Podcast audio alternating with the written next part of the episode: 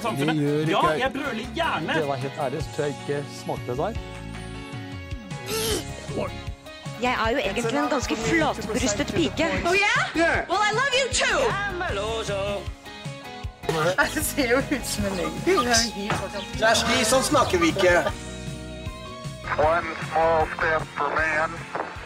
Du hører på Gleden med TV-en, podkasten hvor vi ser på TV for deg, sånn at du slipper. Og jeg har med meg mine strømmeboys, Sturlevik Pedersen, som har rømt landet.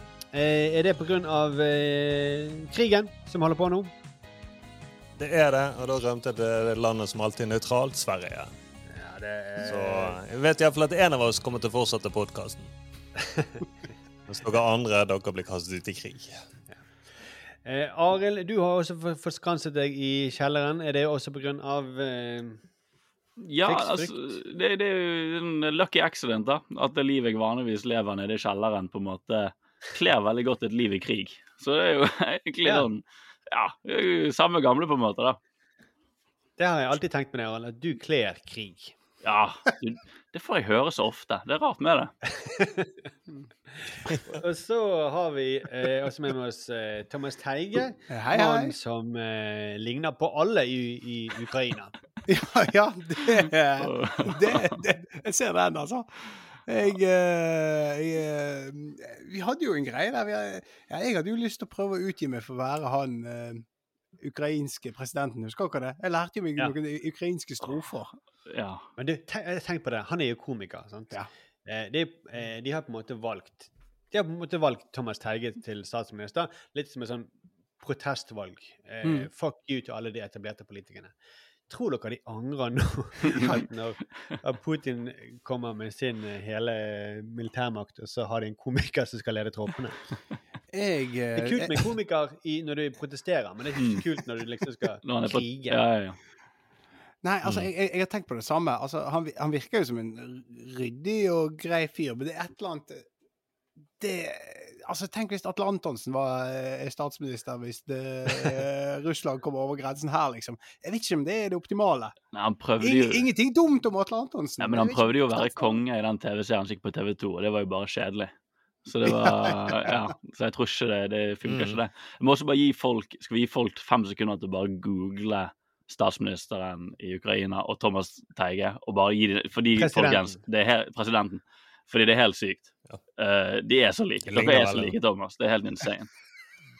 Så okay. Men det verste er jo at presidenten Presidenten og Thomas De var jo likere før, men så er det tydelig hvis du ser på presidenten nå, at det går ikke så bra med han. Han trøstespiser om kvelden. For han ser ut som en tjukk Thomas Teige. Ja. Ja. Ja, men hvis jeg tar skjegget nå, så Hvis har vi... jo vært ja, hvis Thomas hadde vært råd til mat, så hadde han ja, så hadde det vært enda mer rik. Mhm.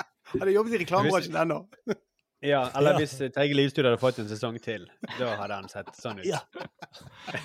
da kunne all NRK-kantinen-maten Å, dere kunne styrt og regjert. Herregud. Dere skulle sett hvordan Thomas koste seg i kantinen med kantinematen til NRK da han var i Teig Livstudio. Han sa 'Den, gi meg kjøttkakene', og i dag tar vi fiskegrateng også. Dobbel kjøttkake i dag. Ja, ja. Gi meg den der eh, sopp Jeg tror det er en soppsuppe, men det smaker bare salt. Det er deilig! Åh. Jeg får ikke nok av alt Men saltet. altså Litt kritikk til litt eh, utseende, Thomas. For at du, du har jo tendens til å ligne på mange politikere. Han, eh, han i KrF, nå har jeg glemt hva han heter. Dag Ulstein. Inge Ulstein. Ja. Dag Dag Inge. Ulstein. Ja, Google, det, Google litt, folkens. Google litt. Ja. Men du, eh, du, du ligner bare på litt eh, kjipe politikere. Du, du ligner ikke på noen sånn kule sånn der eh, Nelson Mandela eller Nei, nei der, der, der, der klarer jeg ikke å lure noen på. Men du har, men du har prøvd eh, på den festen vi gikk på. Ja, Ja, Mm. ja da- da- jeg malte ansiktet. ja, ja, ja det var veldig Ja. mm. Jeg trodde det var Maggie Thatcher det skulle vært. Nei, altså det, Thomas tenkte at det var en god politiker. Hun her er vel ålreit? Men altså, vi, eh, vi skal jo snart gå i gang med å snakke om vår TV-uke. Og vi skal også snakke om Vi har fått et eh, tips fra en eh, lytter om en serie som vi har sett sammen, alle sammen. Cobra Kai. Eh, som vi skal snakke om helt til slutt. Mm. Eh, men aller først så eh, er det så har Thomas eh, lovet at han, du har laget en vignett En ny vignett som du skulle Nei, det har jeg helt glemt. Nå trodde jeg at vi, denne føljetongen var over. Jeg håpte vi skulle være ferdig med den. Jeg har selvfølgelig glemt det. Jeg, ja. Har vi avtalt det at du, at du slapp? Nei, jeg hadde Du, håpet du, at dette var bare. Du sa bare at jeg har lyst til å lage en vignett til. ja, jeg, Og jeg gikk hardt ut, og så har jeg rett og slett glemt igjen. Eh, kan jeg få, få lov å gjøre det neste uke? Utrolig, tror hva? utrolig fælt at sønnen min er i rommet og får se hva som skjer når man ikke holder et løfte. Beklager, gutten min. Eh, Du må gå. Ut av kjelleren. Ut av kjelleren nå. Han holdt ikke løftet sitt. Ut av kjelleren. Eh, Beklager, det var veldig Presidenten i Ukraina gjorde- men- Jeg tror presidenten i Ukraina gjorde det samme også. Men har du meldt oss inn i Nato nå? Har du det, president Thomas? Nei, vet du hva, jeg glemte å melde oss inn i Nato. Jeg skulle gjøre det, jeg lovet jo, men jeg glemte det. Ja, jeg trodde vi liksom var ferdig med det der. Jeg lovte det under valget, men så nå maser dere frem- fremdeles. Men eh, Det er bra at det ikke bare er si- egen skuffelse, men alle dobbeltgjengene mine òg er en skuffelse. Det er en veldig god egenskap jeg har. Mm. Ja, du ligner bare på kjipinga. Det, det, det, det, jeg er rett og slett ansiktet til skuffelse. Det er Nå må alle sammen google skuffelse. Podkasten din heter Teige skuffelse. Og så alle de som ikke kjenner Thomas, det høres ut som han ler nå, men han gråter egentlig. Ja, nå, nå, nå får jeg komplekser for deg også. Nå, nå, nå kan ikke jeg det gøy engang. Men for å gråte eh, Ja. Vi eh, Ja, drikk, Thomas. Drikk litt. Grann. Det høres bra ut. Du trenger er altså alle en- tårene dine. si det, det er en vinterferie spesial, dette her. Vi spiller det gjennom kvelden for første gang. Seint på kvelden. Sturle er ute av landet. Eh, og jeg drikker øl for første gang. Ikke bare på podkast, men første gang i år. tror jeg. Ja, ja, ja. Nice. Så, så trist er mitt liv. Du gratulerer, da. Det er det. Ja, takk. Det må feire med en øl. Ja, ja, ja. Mm. Nei, jeg sitter her med en, koser meg med en eh, liten en, jeg òg. Øl. Kult. Øl, ja. Ja, ja. Ikke Veldig viktig presisering. Got your back, Thomas. Ja. uh, det- Ingen må tenke at nå var Det snakket han- han om vaskehjelpen. Nei, for du ligner litt på den alkoholikeren eh, som står og eh, Ja, han lommemannen, var det du tenkte på? Ja, han som gråter sånn. Gråtemannen, eller han kalles. Ja. han, som går, han som går på latter og gråter. Det er en av komikerne. Ja. Men er veldig full hele tiden. Ja. forvirrer komikerne. Du er så veldig Hvorfor gråter du? Nei, jeg sitter der med en liten en, så anmeld meg. OK. Vi, vi må gå i gang. Eh, vi skal i gang med vår eh,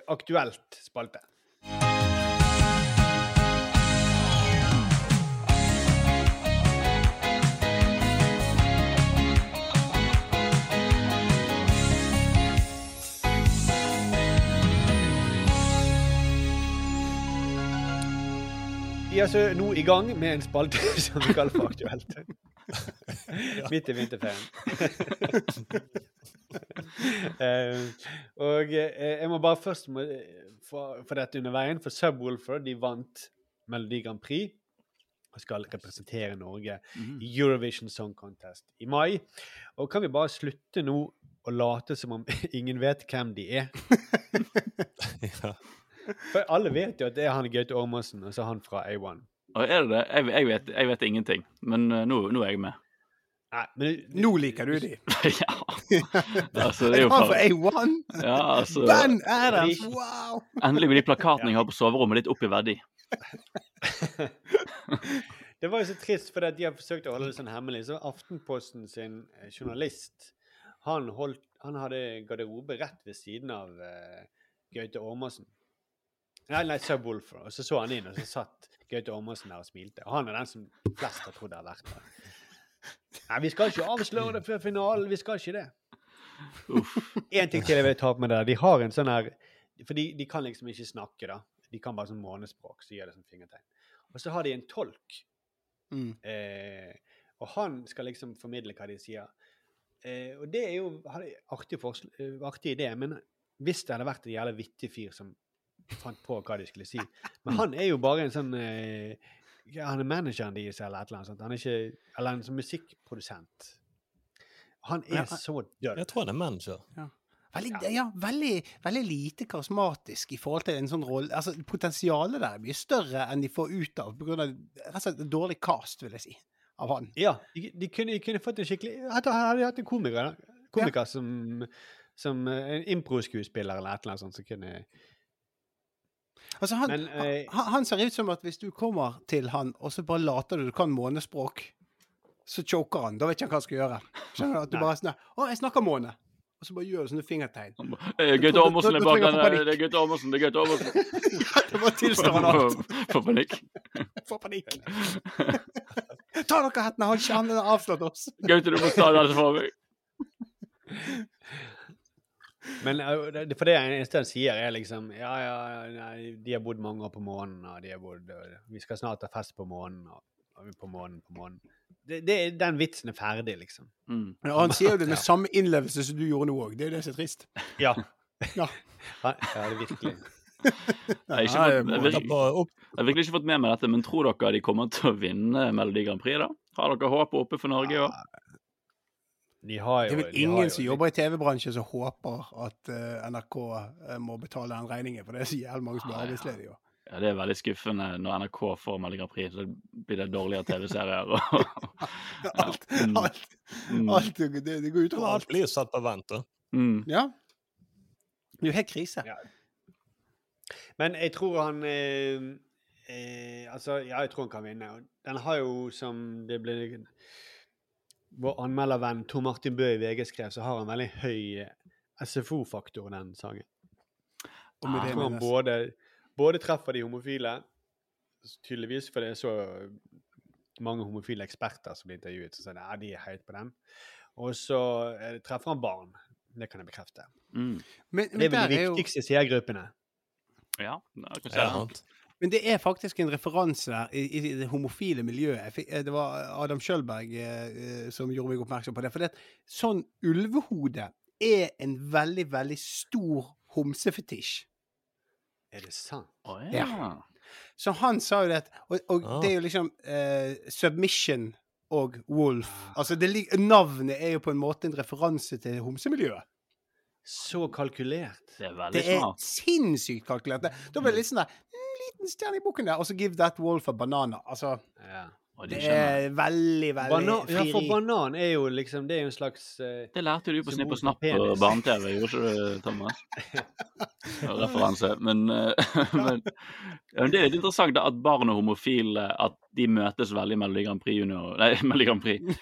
Melodi Grand Prix Junior må jo være helt insane. Det er jo så utrolig mange homofile i salen. Melodi Grand Prix Junior. Men eh, nei, liksom, hvis du hører på teksten at det alltid skal treffe de to målgruppene samtidig, da, okay, da skjønner jeg hvorfor Subwoolf kan vinne. Ja. Og, men det, det, det, og dette har jeg alltid lurt på. Sånn, ikke for å være eh, fordomsfull, og sånt, men, men det er jo mer enn en fordom. Det er veldig mange homofile som er opptatt av Melodi Grand Prix. Hva, hvorfor det? Det har jeg aldri helt skjønt. Er det glamouren, liksom? At det er Ja, litt jeg, jeg, jeg, tror, jeg, tror, jeg tror det er bare så enkelt at det er en fest med masse glamour, og så er det jævla glorete. Mm. Uh, og, og, og, altså, man, jeg tror at de hvorfor- aller fleste som setter pris på det, har, ser på det med en ironisk distanse. Det tror Men det er jo, så, det, er jo det at Ja. de på scenen får lov til å uttrykke seg. Det er jo uttrykksform de luxe. Her skal du få lov til å bare være hva faen du vil. Du kan være en vampyr som jogger i en Ja. tredemølle. Altså, det er liksom sånn. Express Arild, du bør jo bare begynne å jobbe med scenografi. Ja, jeg bør bli manager for bidragene. Subwoolf, kjenner jeg. For det, dette er eh, det? var jo dritfett når hun uh, ja.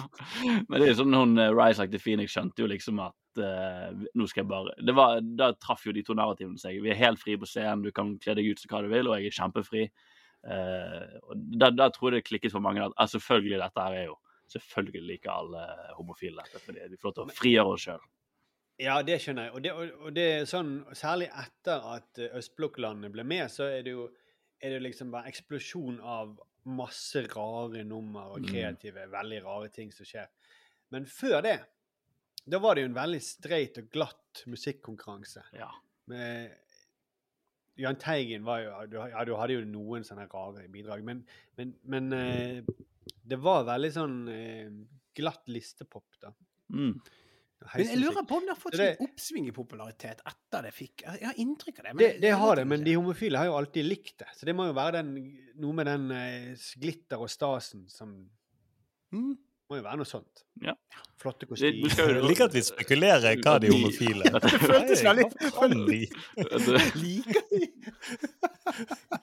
De som bor på denne planeten, hva vil de like? Men du skal jo også USA. Skal jo, jeg har hørt eh, rykter om det, at de skal få sin egen Eurovision. Bare Ja. amerikanske variant, hvor de får alle statene til å uh, sangkonkurrere mot hverandre. Det stemmer. Mm. Han Eurovision-sjefen sluttet uh, som sjef i Eurovision for å uh, launche det i USA. Som en uh, konkurranse mellom statene. Og dette vet jeg fordi at Per Sundnes fortalte det når han var gjest i Teige Lydstudio på vår Melodi Grand Prix på Eurovision spesialepisode. Mm. Ja, ja, bare for, for lytterne våre, eh, de som ikke vet Teige Lydstudio, hva er det for noe? Ja, det er en eh, Det var, det var en sketsjepodkast som eh, jeg skrev og spilte i. Arild var med å hjelpe. Sturle spilte i han. Den faller, er en felle, Markus, det er du- skulle være med i sesong to. Jeg vet det. Jeg bare- Jeg vil bare snakke så lenge at vi går videre. Men eh, vi må slutte å høre på. Ja, men eh, det, den, du må snart slutte å snakke om den podkasten, Thomas, for den er jo ferdig. Den er lagt ned. Vi må videre på i eh, aktuelt. Er det noen andre som har lagt merke til noe aktuelt? Altså, du vil dele? Jeg syns jo litt synd på justisministeren som ikke fikk eh, premierefest på Kompani Lauritzen. det, det måtte de jo avlyse. den. De hadde jo planlagt en kjempestor premierefest, for det er så populært TV-program. Uh, og så skjønte jo TV 2 at kanskje ikke det var så smart at vi skulle gjøre masse bravur med militærgreier samme dag som Russland invaderer Ukraina. Og ha justisministeren komme og vise hvor gøy hun hadde på TV hvor hun leker krig. så de avlyser den premierefesten, dessverre, for hele gjengen. Men, men tror dere de setter programmet på vent? For det burde jo de gjøre. Det er jo veldig usympatisk å lage underholdning med krigføring. Eh, å, kjendiser som går rundt og eh, Mm. liksom har det vondt. Vi lærer mye i krig. det handler liksom om sånn Tone Damli-lærer at Hvis ikke vi sender de til Ukraina, da? Ja, det, det er jo det jeg tenker. Den siste episoden Mm. hvor de kaster det ut av eh, hopper fallskjerm, kan de bare lande i en aktiv krigssone. Det hadde vært et trist på Nille Lauritzen. Nå skal dere gjennom den ultimate testen. Mm. Dere klarte å gå opp det veldig bratte fjellet uten å besvime, så vi tror dere skal overleve ganske lenge. Gå til Tsjernobyl dere og forsvar det. Men altså, jeg syns, jeg syns jo Jeg reagerte jo før det brøt ut i Ukraina, de her reklameplakatene som TV 2 har for Kompani Lauritzen, som er eh, referanse til Iwo Jima. Ikke det heter det slaget? Det der kjente eh, bildet av amerikanere som planter et amerikansk flagg Ja. på toppen av et fjell eller Mm. et eller annet. Og de har brukt det. Jeg følte Da fikk jeg sånn Nei, ikke dette er usympatisk, liksom. Og, og vi snakket jo i forrige episode, så sa vi det det var et spørsmål om tid før D-dagen blir et reality-program. Ja. Og jeg, eh, jeg føler liksom at vi eh, ble Men- skremmende nært veldig fort. Mm. Men, men altså, bare til deres forsvar, så er det jo eh, Det er jo litt kjipt når de skal Det jeg syns med når de på en måte de snakker om, Særlig de i Forsvaret, når de snakker om Forsvaret, så snakker de nesten om det som en litt sånn streng leirskole. Men det er jo krig de, Mm. de holder på med, så vi må ikke glemme det heller. Det er jo på en måte greit at de blir, vil minne på om at det er grusomme ting som skjer. Det er det de Ja. trenes opp til å gjøre. Det hadde òg vært en tvist i Kompani Lauritzen hvis vi ble tvunget til å se på sånne konsekvensene av krig. Det var sånn øvelse at de måtte gå gjennom og Sånn Clockwork Orange-opplegg der de får sånn øynebeholdt oppe, så må de se på krigens elendighet i sånn 24-48 Ja. timer. Eller hva Her kommer en barnesoldat og vil drepe deg. Hva føler du om det? Det er fordi det er jo ofte sånn uh, altså Det er jo det som greier med han um, Lauritzen. Jeg blenker litt på fornavnet. Um, Dagotto. Dag- Dagotto, som er veldig ja, Trondheim helt kompani. nei, han er jo veldig utrolig jovial og bra TV-fyr. Veldig vittig. Men han snakker jo mye om det med at fordi han gikk fallskjermskolen, det var så stor og viktig opplevelse for han, og han mener at alle kan bør oppleve det for å finne ut hva de har boende i seg. Og han det snakker jo mer om det som en slags sånn mindfulness camp, egentlig Ja, ja. enn krig. Og det er jo den der, og selvfølgelig det er smart det er å si at du må pushe deg sjøl. Istedenfor 71 grader nord, så er det militærskole. Men når det er en aktiv krig, og det er så mye dårlig stemning rundt det ordet og militæret Det føles litt, ja, det føles litt rart. Men herregud, jeg kommer ut og ser det. men, eh, men det er jo sånn som eh, det hadde vært fett om noen laget en tilsvarende eh, med, med Hustadleir. Nå, vet, nå finnes jo ikke Hustadleir lenger, men det var der alle, Nei, Siviltjenesten, ja. Mm. mm, alle som tok siviltjeneste, de måtte gå på Hustadleir. Oh, ja, det Det, det var, fikk jo du veldig mye ut av, Sturle. Det forandret ditt liv. Det gjorde det veldig mye, og etter det så tenkte jeg eh, skal jeg eh, starte pikeskole i Afghanistan, eller skal jeg bare gå etter pengene? og så gikk jeg bare etter pengene. Det var et fint bilde, Sturle. Jeg kunne ønske livet gikk den veien. Ja. Men det, det, men det er det man eh, lærer da med å gjennomgå en førstegangstjeneste. Om man enten er militær eller siviltjeneste. så er det. Jeg kunne jeg kunne tenkt lagd meg opptaksprøven, også med en episode hvor du sier at du går med briller. Nei, jeg tror ikke, dette, jeg tror ikke du skal i militæret. Ja, jeg, jeg jobber jo på stasjon. Det var jo det jeg gjorde i Forsvaret. Ja. Det målte høyde, vekt og uh, syn på folk. Og det jeg gjorde var, Dette er jo veldig dumt å kanskje si på uh, offentlig, men hvis folk var litt for ivrige til å bli Nei. Hvorfor sier du det? Ja, jeg sier det. Hvis folk var litt for ivrig å komme inn i Forsvaret, og var litt for sånn der soldat, ivrig for å bli soldat, så ga jeg de alltid nedsatt syn. Ja. Kult. Sånn at vi Mange knuser hjertet. det her bare, ja, ja, så nå er alle disse lytterne her som bare det var derfor jeg ikke kom inn på befalsskolen. Ja, det var min feil. Fordi du var en usympatisk soldat. Jeg vil ikke ha deg. Vi, vi, vi hadde en eh, venn som eh, jobbet på stasjon i Bergen. Og han, det han brukte tiden sin på, han var mye kontortids, dødtid. Ja, ja, jeg kjente til det. Ja, Men han gikk da inn og så eh, laget han sånn her eh, Han tok IQ-test. Han tok gjennom alle svar, testresultatene og lagde sånn Prøvde å lage, sette opp eh, hvilke tippeligalag som hadde gjort det best på sesjon. Jeg tror Brann gjorde det ganske dårlig da i forhold til Rosenborg. og sånt. Var, han var um, Nei, vi hadde Ja, for en av, de spør Ja. en av de spørsmålene på testen er jo sånn Du har vunnet en treningskamp. Hva gjør du? Gå hjem og legger deg, eller ha nachspiel på stadion? Det er en sentral del av IQ-testen i Forsvaret. Mm. Nei, Ok, det er- men eh, ja. jeg tror for at vi ikke skal uh, sitte oppe til langt på natt, så må vi kanskje bare videre med vår TV-uke. Er dere enige i det? Ja, jeg er med på det. Ja, det har, det har vært mye nyheter, så det er jo det, eh, sånn aktuelt, så det har vi egentlig dekket nå gjennom Kompani Lauritzen. Beklager. Skal slutte? Hva snakker du om, Thomas? Vet jeg Det var en sånn- setning jeg ikke Du har aldri snakket så lenge uten å bli avbrutt. det skal, Nå er det, seint på kveld, og jeg angrer alt. ja. Eh, Bare si, bare si til dere, Jeg sitter jo i Sverige. Jeg tror dekningen er litt eh, dårlig der. For det, jeg bare oppfatter at det kommer mye piss fra Thomas hele veien. Men Jeg vet ikke om det er min linje som bare hakker, eller hvordan det er. Men Det er derfor jeg Jeg ikke er så mye med akkurat i samtalen. Jeg skal si setningen Thomas sa. Han sa eh, ja, det har jo vært eh, mye nyheter eh, som har vært aktuelt. Eh, og, men det fikk vi dekket med Kompani Lauritzen. Men kan vi Dette er det eh, Jeg vet at ikke vi klipper så mye, men her tenker jeg vi kan prøve å gjøre noe kutt. Eh, Det vil ikke hjelpe deg, Thomas, uansett. Ah, OK, greit. Riktig det. Vi går videre. Vi går videre.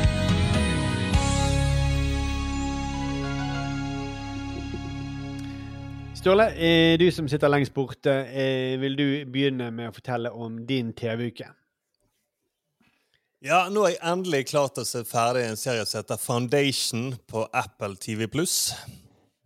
Det er da en science fiction-serie som bygger på bøkene til Isaac Asimov, som kanskje er en av de store, da, sammen med han andre nerden som skrev Dune.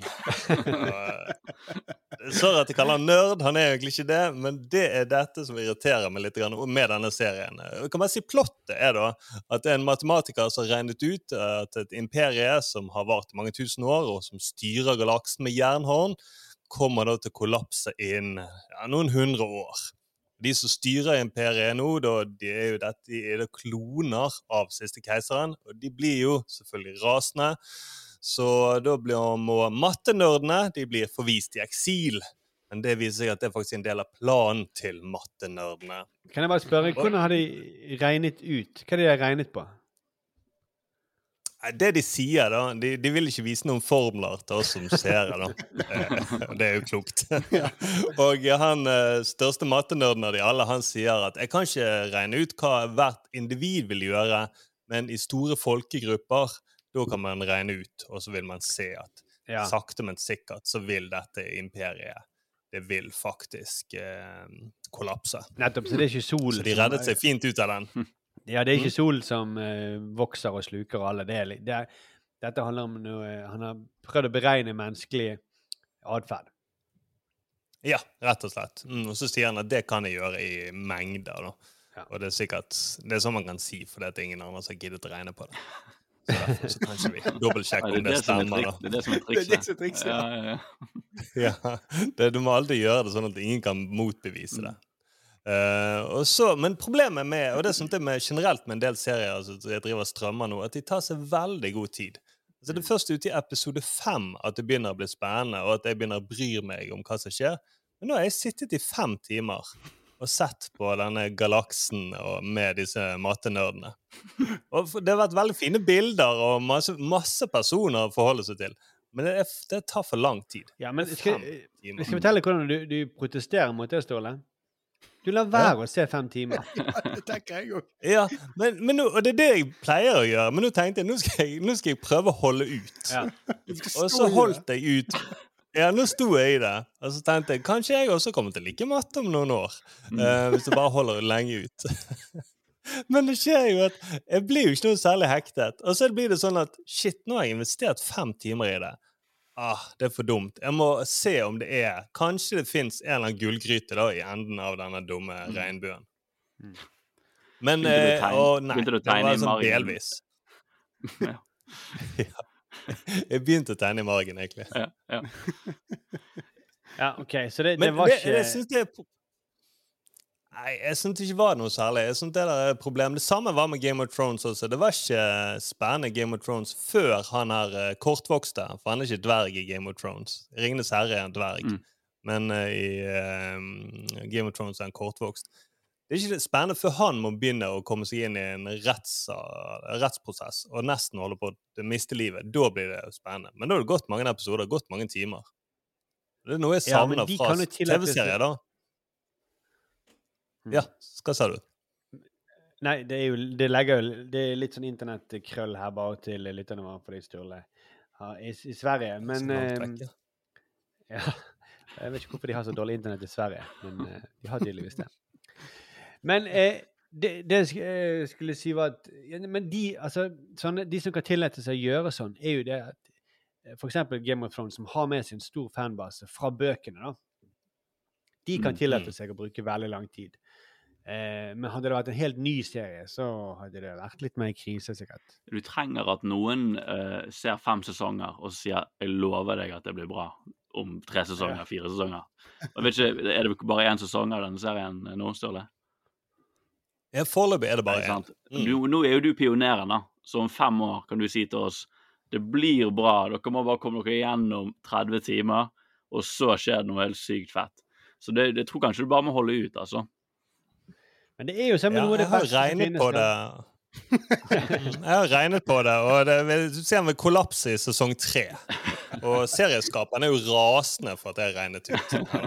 Uh, Men det, det er ikke Breaking Bad da, som hekter deg i første episode. Da hadde virkelig gått all in for å hekte deg på første episode. Men jeg husker de snakket om The Wire, da, for eksempel. Alle sa sånn Mm. "Eh, Når du skal se det, du kommer ikke til å skjønne noe av første episode, men bare hold ut. Mm. Og, og det er sant. Man skjønte ingenting av første episode. Nei, den, var jo den gikk jo så Nei. mye Den gikk jo enormt sakte. Den har jo tatt tempo ned, ingen musikk og Så den var veldig annerledes. Og det skjedde så mye Men karakterene var veldig kule, da. Ja, veldig kule. Det var ingen mattenerder der. Det er det som irriterte deg. Altså, Stringer Bell er jo litt Ja. mattenerd, da. Han er jo den kuleste Ja, ja, ja. mattenerden på TV. Ja, han er jo fantastisk. Herregud, for en karakter. Fikk lyst til å se The Wire. Jeg er ikke så mattenerd. Har du sett ferdig The Wire, forresten, nå, Sturle? Nei, det var ikke så mye matte på slutten. Det jeg ikke. Nei, jeg, eh, jeg klarte å spoile hva som skjedde med Stringer Bell. nei. Ja. Ja, ja. Nei, men jeg har sett det. det. Jeg har sett det. Sett sesong tre. Ja. ja. Men jeg har ikke kommet til vel sesong fire, tror jeg, eh, falt av. Fordi at min samboer jobber med barn og unge. Hun er ungdomspsykolog. Så det at når det, kom, det ble for nært for henne, da ble det jobben plutselig hennes. Og så Det er jo en falt jeg av en gang i 2009. Den sesongen på skolen er jo faktisk, eh, for oss andre, da, den beste sesongen. Fordi, Ja, den ja. fordi det er såpass går bare såpass tett inn på det perspektivet. Og da kommer eh, Stringer Bell tilbake igjen, Sturle. Er det sant? Herregud. Som en klone, da. Sånn Jeg er lei av å bo, jeg er lei av å bo på den bondegården jeg dro til. Nå er jeg klar for Nå er jeg tilbake, og enda bedre i matte. Herregud. For den handler jo faktisk om matte, den sesong fire, da. Ja, det var derfor jeg sluttet å se den. Det blir litt nær din virkelighet. Ja, ja, ja. Kommer de matenerdene som- ligger. Så det er det jeg har sett. Så fra nå av så tror jeg bare skal se rett og slett vanlige TV-serier. Ingen strømmeserier på meg. Ja, altså. for det, det vil jeg bare okay. si Jeg vil bare si kjapt, apropos det du snakket om, som er Det viser bare hvor mye makt de som, lag, de som strø, lager TV og strømme-TV, har over oss. For de vet at vi kommer til å se på det uansett. De vet at jeg sitter, kommer til Din late jævel, du kommer til å se på denne serien. Se hvor mye penger vi har brukt på den. Du, hva annet skal du gjøre? Skal du gå ut? Skal du lese en bok? Du skal jo se denne serien. Det og de vet det så godt. Så de er bare gitt Det morsomste skjer jo om fem sesonger, og du kommer til å se fem sesonger òg. Men, men, men, men, men sånn, jeg bare tenker, alt, alt som er bra, er jo litt treigt i begynnelsen. Sånn Seinfeld, hvis du må lide det gjennom de to første sesongene der, det er ikke særlig gøy. Før det plutselig finner en sånn god rytme og form. Skam, det var jo første sesong Det var ikke dårlig, men det var jo ikke sånn Du ble ikke hekta før i sesong to. Og det husker jeg også folk sa, du må se helt til sesong to. Det er da det blir fett. Min regel er jo uh, hopp til sesong to. Nesten. Ja. Nesten alt. Spesielt med komiserier og sånn som har eh, tolv sesonger. Hopp til, bare hopp til, sesong to. Hvis du elsker det, så blir eh, sesong én som en sånn bonusmateriale du kan kose deg med. Men det gir de et år på å finne flyten og rytmen og forstå figurene og skuespillerne vet hva de skal gjøre. Da er det gøy. Da får du det beste førsteinntrykket. For øvrig er det slags Det er det mange vet om i TV TV-bransjen, at det er sånn. Så når man lager en serie, så er det mange som begynner å, å, å, å spille inn episode fire. Ja. For da eh, Og så går de Når de har blitt varme og sånt, så går de tilbake og spiller inn de første episodene, sånn at folk skal få et De er varme. De, man er liksom midt i karakteren og alt når man spiller inn sesong Mm. eh, episode 1, 2, 3, 4. Og når man lager film, så begynner man ofte med slutten, eller Eh, midten. Ofte den rare greien hvis du går i første episode av en serie du har binget over mange år, og kanskje er på niende sesong, og så går de til første episode, så føles det som figuren er helt an annerledes. Uh, og det er jo fordi skuespillerne ikke visste hva de gjorde. De hadde bare fått et manus og leste det rett gjennom og var dritnervøse, og de var sånn Vet ikke om dette blir en hit eller ikke. Og du ser den her hvor varm i trøyen, spesielt i sitcoms og sånn. I sånn- sesong åtte, hvor jævlig avslappet alle skuespillerne er, og de kan gjøre de blinde kontra første episode, hvor du ser hvor mye de jobber for maten. Ja, ja. liksom. Den nervøse energien de har i første episode. Jeg husker Cody, Cody i Step by Step i første episode. Han var helt, eh, helt off. Han er jo det klassiske eksempelet. Han er ja, skoleeksempel. Jo, men, men, men jeg er enig på komiserier, er- men det er noe annet med de her litt større seriene. Mm. Og nå Altså, snakker vi om eh, litt forskjellige ting. Unnskyld. Ja, bare snakk. Ja, jo, men vi gjør det, for det, eh, man kan ikke hoppe i eh, du kan ikke, Eller jeg vil ikke anbefale deg å hoppe inn i sesong to på Game of Thrones, eksempel. Det er lurt å få med seg de første sesongen. Ja. Og, og, og det, det, det vi snakker om, er jo egentlig at det er ikke, det er ikke annerledes med vilje i eh, Seinfeld i første sesong, andre sesong og tredje sesong. Det bare skjer litt organisk. Mens du snakker om Ja. noen som med vilje trekker ut Mm. eh, spenningen. da. med mat. Ja, ja, men de gjør det. Virkelig. Altså sånn. Og det, det er sånn, det, det, men det vet Netflix gjør jo Netflix er jo mye skyld i dette. De, I den der um, Å, nå er det helt stille for meg. Han, House of Cards. Kevin Spacey. Eh, Kevin Spacey. Så har de sånne mellomepisoder hvor liksom plottet drives masse framover, og så har de plutselig en episode hvor han drar back to Virginia. Eh, og så skjer det ingenting. Da får ikke du vite. Det er ingen framdrift i plottet. Ingen, eh, men det er bare en sånn slags hvileepisode. Og så på slutten, de siste fem minuttene, så begynner det plutselig å skje noe igjen med plottet. Eh, og det, det er jo bare De bare haler ut tiden for at de skal ha mest mulig episoder. Og det er jævlig provoserende. Jeg er helt overbevist Ja, det Jeg er helt overbevist om at Netflix har en sånn søvntracker-algoritme, hvor de vet nøyaktig når folk begynner å bli litt slitne av en serie, og da vet de at på et 14 minutter og 32 sekunder, da må det skje noe spennende, og da har vi de, vet du. Og da har vi de i minst 12 minutter, og da kan vi få La han lære litt om faren hans. Dra han, nå skal vi finne ut noe som skjedde i barndommen hans, og han, hvorfor, hvordan forholdet han har til moren og faren. Og så har det vært 7 minutter og 33 sekunder. Da begynner folk å sovne igjen. Da holder de på å duppe. Da trenger vi noen eksplosjoner og noe drit. Og så etter 15 minutter så er egentlig pizzaen klar i ovnen. Men hvis de ikke har noe spennende da, så glemmer de å gå og hente pizzaen. ja. Så blir de bare sittende. Men det er ikke kødd. Hvis du faktisk hvis du går inn i The Matrix, da da kan du faktisk se at ok, nå vet jeg at pizzaen min er klar, så nå kan jeg gå og hente pizzaen min, for det kommer ikke til å skje noe på tre minutter. Det, det, du kan faktisk bli ganske god på denne Netflix-algoritmene.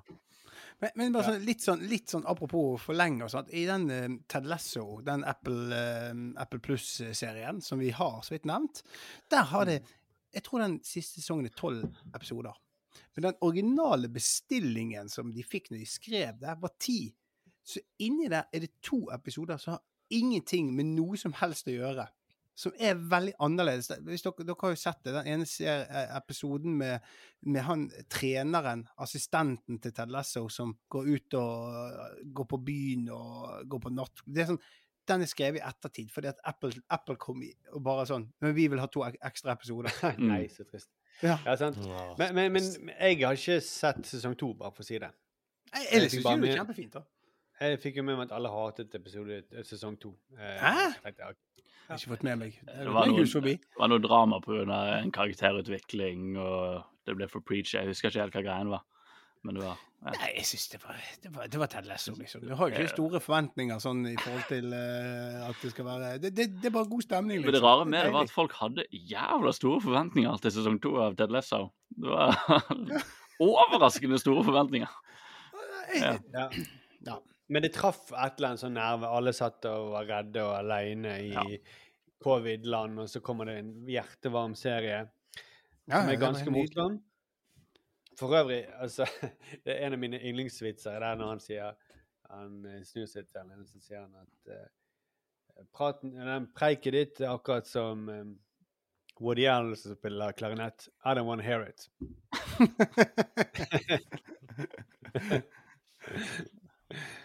uh, men, nei, men, men, men jeg, jeg Nei, så, så, men det blir jo alltid sånn hvis sesong én er jævlig bra og godt mottatt, så, så begynner er det et veldig stor veldig stor gjeng som blir skuffet uansett. Og jeg så det på Førstegangstjenesten sesong to også.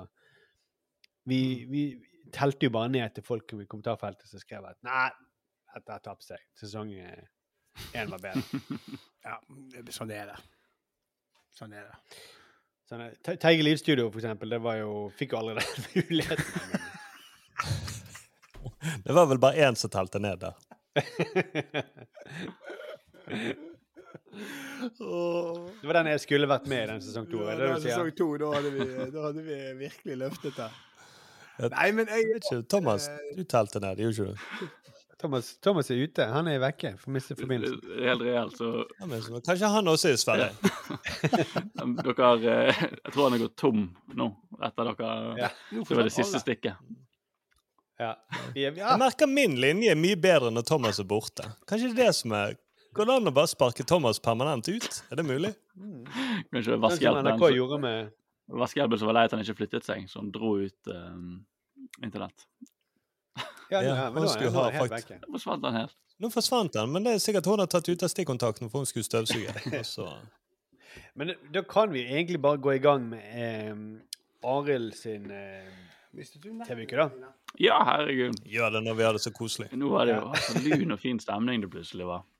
Uh, ja, jeg, eh, jeg har også sett ferdig en eh, serie, da.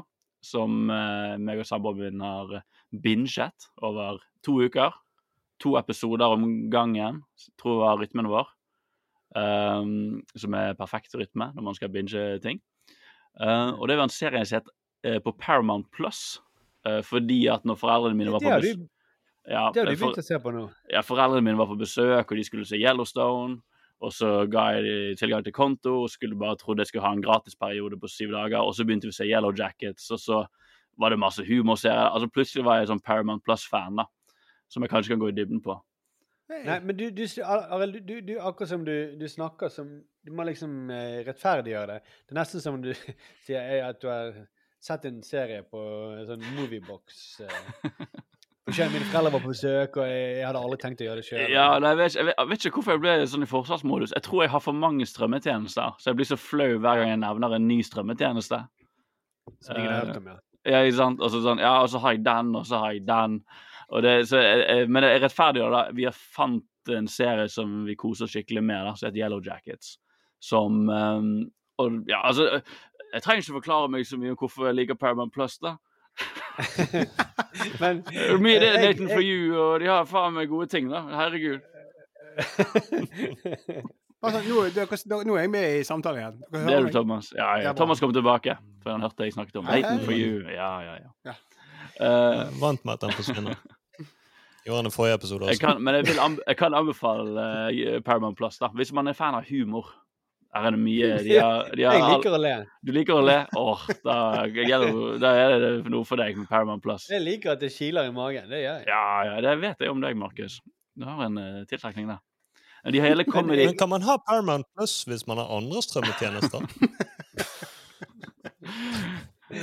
Jeg tror det som var flaut, si at- var, det som var flaut, var fordi at det var den Yellowstone, og det er litt kjent som en sånn gammel folkserie. Og så er jo også det jævlig bra, da. Så jeg egentlig vil jo innrømme at jeg liker den serien som kunne få for 70 pluss. Men det kan vi komme tilbake til i en annen episode. Er, er, det- er dette sånn pappagreie, Arild? Nei, det er en det sånn bestefar-greie. fa- Dette er det bestefar-greie. Ja, ja. Jeg må bare si at uh, jeg skulle gjøre opp ligningen uh, Skrive av uh, strømabonnementene mine på skatten på selvangi- selvangivelsen. Ja. Jeg tror jeg brukte jeg var oppe i 16 000 i året. Helsike. Men det er kun eh, TV2 Sport-abonnement, er ikke det? Ja. Ja, det, ja, det er jo det som Oi, nå blinker lyset. der. Nei, men ja, nei, det det, er stort sett TV2 Sumo som spiser det. Men det, det er jo sykt dyrt. Mm. Nå ble det lun, lun og fin stemning uh, nede i kjelleren. Det er enda skummere enn vanlig, Arild. Putin er på døren, skjønner du, så jeg måtte Ja. Mm. Gikk lam, gikk, gikk. Ja, så denne podkasten her Hvis Altså, vi klarer å få den ferdig, fra så skal ned. Ja, Ja, ja, dette er vi podkast vi- vi- after dark, bokstavelig Vi, talt. vi må stå i det, folkens. Bare ikke se på bildet mitt, det ser veldig skummelt ut. Men egentlig så er det veldig god timing hvis vi tar dette med videre i poden, da. Ehm, Det er fordi lyset gikk her, og nå ser dere bare ansiktet mitt fra dataskjermen, og det ser jo litt ut som en skummel uh, film. Gjør ikke du det? Ja. Ja. Jo, det, Og det passer jo kjempebra, for jeg skal jo snakke om Yellow Jackets, som er en litt skummel serie, gutter. Oi, jeg trodde du skulle Ja. si Blair Witch. eh, Nei, nei, nei. Liksom. Det var Yellow Jackets, og da må jeg bare spørre dere først. Uh, spilte dere i fot Dere spilte vel i fotballklubber og sånn på videregående, gjorde ikke dere? Hadde dere noe sånn Gjorde, gjorde Ja, dere det? Ja, men det var ikke sånn spesifikt videregående. Nå, nå føler jeg den fotballkunnskapen din ikke når jeg mangler fotballkunnskap. skinner litt gjennom. Jeg vil, jeg vil inn i en veldig dere på sånn high school fotball? Jeg gikk dere, Du var sånn quarterback, var ikke du det? Jo, jeg var quarterback på Ja. Nei, men når, når dere var på videregående, den, den tiden, dere husker vel den tiden på videregående? Spilte dere i fotballag da, gutter? Ja, ja, ja. ja. Ja, du gjorde det? Ja, Ja. Hva om dere skulle fly til en uh, turnering, og så krasjet flyet deres midt i ødemarken, og dere var fanget med det fotballaget i, uh, midt i skogen? Hadde det vært noe gøy? Totalt urealistisk. For Vi fløy, vi fløy ikke til noen kamper. Men vi fløy ikke til noen kamper heller. Vi, vi kjørte bil til eh, Hardanger. Det var det lenge. Ja, vi, vi tok tog til Ål en gang. Hva hvis plutselig når du kjørte bil til Hardanger, at uh, sjåføren ble gal og kjørte dere ut i skogen og forlot dere? Oh, shit, ja. Ja. Nå kan jeg identifisere meg. Mm. Oh, Ja, ja. Dette- riksvei 7, det er ingen som finner oss. Herregud, masse tiur overalt. Uh, nei, men det er jo premisset til Yellow Jackets. da. Det er et uh, fotballag, et uh, jentefotballag på high school som skal fly til en turnering. Og så på vei til den turneringen så krasjer de i skogen, og så må de overleve der. Uh, og, det er et veldig Apropos å begynne sterkt, da, så gjør jo de det. Dette her er jo også rett ut av eh, spillboken til Lost. Du får den her, Jeg har jo sånn lost-formet hull i eh, sjelen min, fordi at det var noe av de største TV-opplevelsene jeg hadde da jeg var ung og liten, var å se Lost. Og det tap, apropos ting som taper seg, så er jo Lost den ikoniske serien som ble dårligere og dårligere jo lenger den gikk. Men det var sånn to-tre sesonger, fire sesonger, så var det så bra. Og Yellow Jackets klarer liksom å gjenskape mye av den Lost-følelsen. Eh, så det handler om dette fotballaget. Uh, det er en haug med jenter. De har med treneren sin, uh, assistenttrener og to sønner til den ene treneren. Og de må overleve i en veldig mystisk skog. Uh, og det er en ganske blodig serie. Det er en ganske drøy serie. Uh, bare skal kun spoile ting som skjer i første episode. Uh, en fot blir revet av, som du får se. Det, det, du skjønner at ok, de her i første scenen så skjønner du at å ja, dere skal bli kannibaler, dere, ja. Dere skal spise hverandre på et eller annet tidspunkt. Og det løftet serien gir deg da, med en gang, så sier de at disse jentene de kommer til å klikke i denne skogen. De kommer til å ete hverandre, og det kommer til å være noen faksjoner her som kjemper mot hverandre. Du har ingen peiling på hvilken av jentene som på hvilken side, hvem som blir spist, hvem som overlever. Eh, så nå må du bare liksom følge med og ta imot alle hintene vi gir dere framover. Det er det ene narrativet. Ja, dette er veldig spennende. Ja, ja, ja. Fordi det, det, det er mer Fluenes herre da enn det er Lost. Det er det. De blander det Fluenes herre og du, du den der eh, hierarkiet da, i Fluenes herre som jeg kun kan referere til uten å ha sett det. Eh, men det er hierarkiet, da. Uh, og vil, og det, så er jo, tar jo de også den dynamikken som oppstår på fotballbanen, hvor du har den naturlige lederen som alle forventer kanskje skal ha litt peiling når de også må overleve. Og de har jo ikke det beste forholdet, disse jentene heller, så det er veldig mye eh, dramatikk da, som dukker opp der. Um, og det andre grepet da, de gjør, som de veldig tidlig etablerer, som også er den hooken de gir deg, er at noen av disse du, vet, kommer, du får vite at noen av disse jentene overlever. Og de følger vi i nåtid, når de er blitt 40-50 år gamle. Mm. Eh, og Du vet ikke Ah. hvor mange som overlever, men du vet at det er tre-fire av de som vi følger gjennom første sesong, som har overlevd. Og de blir jo, får jo da spøkelser fra fortiden i nåtid som uh, minner på at uh, de har vært del av noe veldig fælt som skjedde ute i den skogen. Dette er første episode. episode. Du får alt dette servert. Så det er naturlig at man har lyst til å binge det, for man har jo så lyst til å vite hva som skjer. Ja, og jeg, jeg må bare si at jeg, jeg er ikke jeg, jeg eh, vil ikke Jeg, jeg, jeg kommer Er du redd? Du mistet Markus? meg allerede. Jeg kan, jeg, kan, jeg, kan bare si, jeg kan bare si en ting. Ja. Eh, Du mistet meg òg, Arild. Du en mistet begge to? Det var, Ja, du grunn- mistet ikke meg. Jeg tenkte på Ja. Jo, Si det først du, Markus. Skal jeg si hvorfor jeg ikke ble mistet? Okay, bra. Ja, men jeg har masse å si, skjønner du. Men uh... Ja, ok, Da kan jeg bare si kort. Jeg, jeg fikk interesse, for jeg tenkte som fotballspiller, hva gjør du hvis du mangler en fot? Ja. Det er jo leve ja. Det er liksom leve. Det er en av, en av mange grep de bruker for å få deg til å ville følge med. da. Det høres gøy ut, Arild. Jeg bare tuller med deg. Jeg har jeg har litt Jeg- egne meninger også, men jeg har veldig lyst til å høre For jeg hadde bare lyst til å dekke bordet med premiss, premiss, premiss, og så vil jeg bare høre hva dere eh, kommer med. det som, det som eh, skjedde, skjedde i sommer, var at jeg leste en bok som heter 'Folk flest er gode', eh, av Rutger Bregman. En sånn eh, nederlandsk historiker som er ganske i vinden om dagen. Han skriver sånne populærvitenskapelige bøker. Og han har skrevet en bok eh, For han var veldig fascinert av 'Fluenes herre' når han var liten. Som på en måte Den, den gir jo seg ut for å være eh, Fortelle historien om hva, hvordan er mennesket utenfor sivilisasjonen når det bare handler om å overleve. Og så eh, Den gjorde veldig sterkt inntrykk på han. Men så har han kommet over masse forskning som viser at eh, kanskje folk ikke, var ikke sånn før sivilisasjonen, og kanskje er ikke folk sånn når de blir tatt utenfor sivilisasjonen.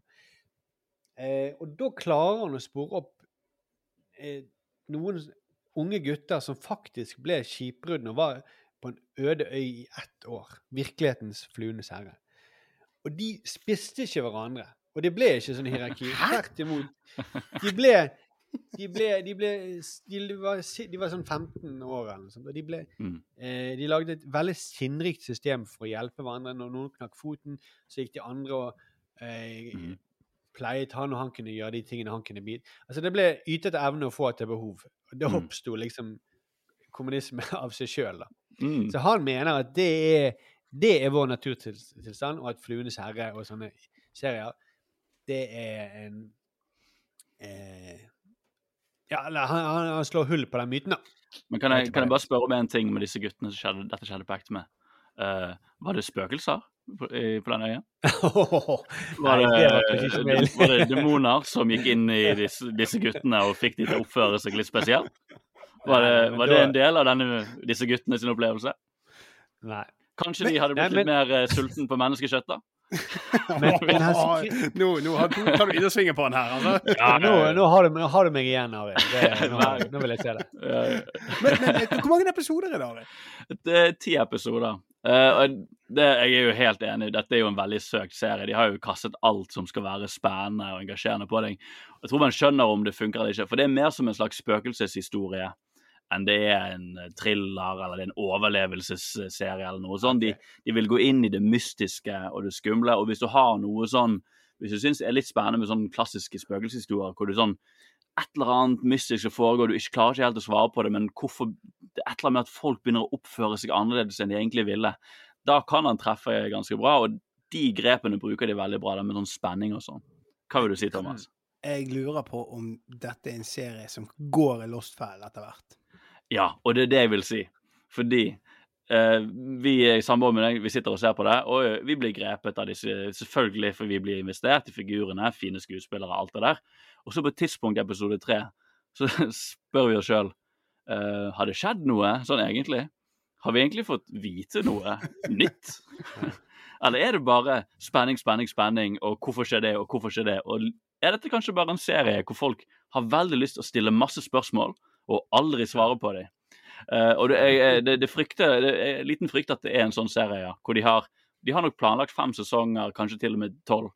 Og de har bare lyst til å ta seg kjempegod tid, for de vet vi kommer til å se på. Akkurat sånn som med deg, Sturle.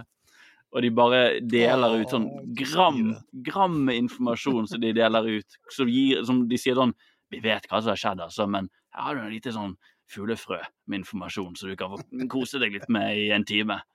Og så skjer det masse spennende ting, og disse figurene det skjer mye drøye ting. Så det er nok det, altså. Det, det er en kul Du engasjerer deg, men du må ikke forvente at du skal få finne ut av noe. Nei, og det er det som er Dette har vi snakket om før. At Mm. eh, sånne serier som det hvor mysteriet er gøyere eh, enn Altså, løsningen kan aldri bli så tilfredsstillende, fordi Mm. det, det er mye gøyere å sitte og lure på hva er det som har skjedd. Ja, og det, det er liksom Jeg tror det er derfor det er underholdende. Jeg er glad vi ikke så det når det kom ut, når det kom ut ukentlig, for jeg tror vi hadde blitt skikkelig irritert etter hvert. Men å se det i en sånn ukes jafs. Hvor gammelt er det, forresten? Det kom ut nå nettopp. Det, Ja. I år er det vel eh, kommet ut. Så det er ganske ferskt. Sesongen ble nettopp ferdig. En, av- en av de gøyeste sånn filmene sånn, eh, sånn dårlig, gøy film Altså er så dårlig at den er gøy. Det var en sånn mysteriefilm som jeg så eh, altså, eh, 2005 eller noe sånt, som het Hangman's Curse. Som eh, hele casten var sånn du vet, så de, de bikarakterene i amerikanske sitcoms som gikk på TV Norge, ja, dette var deres spillefilm. Og handlet, og det som var så gøy, da, det var sånn mystisk. Det var en sånn ah, På denne high school så var det sånn eh, unge så, eh, en, en gutt som hadde hengt seg, og så gikk han spøkelse igjen, og så var det masse sånn mystikk, og, og folk fikk han tilkalt, og bla, bla. Og så merket du at her har forfatterne kjørt seg inn i et hjørne. Så løsningen var bare sånn Edderkoppinvasjon! Det var det som gjorde det. Altså Plutselig så bare snudde filmen helt. Så gjorde det, så var det edderkopper overalt. Edderkoppene som gjorde det. ja, edderkoppen som gjorde det var skyld i alt. Det det, kan, jeg, å, det var så gøy, den filmen. Herregud. Jeg jeg skal ikke lyge. Det kan godt hende det er edderkoppene som har gjort det her også. Altså. Det kan hende. Jeg kan, og så bare avslutte denne med å si at Vi har en norsk regissør på banen. Det er jo også litt gøy, da. Eva Sørhaug. Å, ja. eh, som har regissert eh, filmer i Norge. Jeg tror hun regisserte den 90 minutter med Aksel Hennie. Og også regissert Hotell Cæsar. Så Ja. her har hun kommet seg eh, opp og frem i livet. Du, er det vaskehjelpen din som roper i bakgrunnen? Det er katten som eh, klikker her. Jeg Beklager det. You have to let me go. Ja, altså, jeg har, det, har du virkelig vaskehjelp, altså, Thomas? Jeg har det. Du har tjener. Ja, vet du hva, det er eh, skal ikke vite at det er en veldig kjedelig samtale å ta på podkasten, men det er en ting jeg syns det er verdt å bruke penger på. Nå har jeg ikke Tesla lenger. Jeg uh... Du har, du har ikke aksjer i Norwegian lenger? Nei, Det har jeg heller ikke. Ja, det, men jeg har Men du har, En- du har et ufordragelig ansikt. Det har jeg. Ja. Ja, OK, så Men øh, det var jo øhm, så du, du, Men du har sett den ferdig, da? Vi ser ferdig fordi de bruker alle de der Det var ikke ingen kjedelige episoder, da. Det kan jeg si. Ingen episoder er kjedelige. Selv om du skjønner at de ikke skal gi deg så mye, så hver episode klarer faktisk å lage interessante premiss som du bare må se hvordan går. Så det er en spenningsserie de luxe, da. Med masse kastet opp i gryten i håp om at uh, det engasjerer. Hvis man liker litt søkte premisser, da. Ja, ja. Men det er fint. jeg, jeg, jeg trodde at du skulle snakke om en sånn serie som forsøkte å framstille menneskenaturen. Derfor var jeg så på ballen med en gang, fordi jeg har lest den boken. Og den, jeg vil egentlig bare anbefale alle å lese denne boken. Folk flest er gode. Det er veldig rart. Dette er faktisk andre gangen denne uken noen anbefaler meg den boken. Og det, det var litt Den er dritbra. Ja, jeg tror den, eh, Hvis man nevner 'Fluenes herre' og noen har lest den boken, da er de på banen. Selvfølgelig. Ja, fordi man har jo forsøkt å gjenskape disse tingene i eksperimenter. sant? Mm. Og så har jo han funnet ut at disse eksperimentene er jo eh, forfalsket. Ja, Og i serier og film, og film det er jo så tilfredsstillende å si menneskeheten, vi er helt forferdelige, vi har bare lyst til å rive hverandre i fillebiter. Det er så deilig lov til å si nei, men faktisk ikke. Vi er Mm. faktisk ganske greie med hverandre. Takk for det, Arild. Eh, kan jeg ta, min- da tar jeg min eh, TV-uke? Ja, det, Markus. Ja. Hyggelig, det. ja. er det hyggelig? Ja, det koser meg. Vet du hva han har sett på? Hva holder Nei, du på med, Thomas? Er det et slags mind game eller noe sånt? Nei, nei, nei, beklager, det var ikke meningen. Jeg er bare godt humør, jeg. Det, det er ikke verre. Er det fordi det er så rent hos deg at du Ja, hun går ut og roper og vasker. Nei, jeg, jeg har hatt en elendig TV-uke, det kan jeg bare si. Um, det har vært eh, har vært mye baby, eh, rett og slett. Så det er veldig kjedelig. Så det har ikke vært, men jeg har sett mye direktesendt nyheter fra Ukraina, Ja, på TV 2 Nyhetskanalen. Ja. Fordi det er jo krig. De som ikke kjenner til det, så er det da første sesong av eh, Jeg tror ikke å se det ferdig, egentlig. Nei. Nei. Nei, for der viser at mennesker er stort sett gode. Mm. ja. Nei! Jeg, jeg skal lese den boken du sier, Markus, for jeg, også, jeg mener oppriktig at mennesker er gode. Mm. Mener, ikke alle statsledere er ikke gode. nei, det- men han mener, det er han mener det motsatte av det som Fluenes sier. Han sier at det er sivilisasjonen som gjør at folk gjør sånne ting. Går til krig og sånn. Folk flest vil ikke gå til krig med hverandre.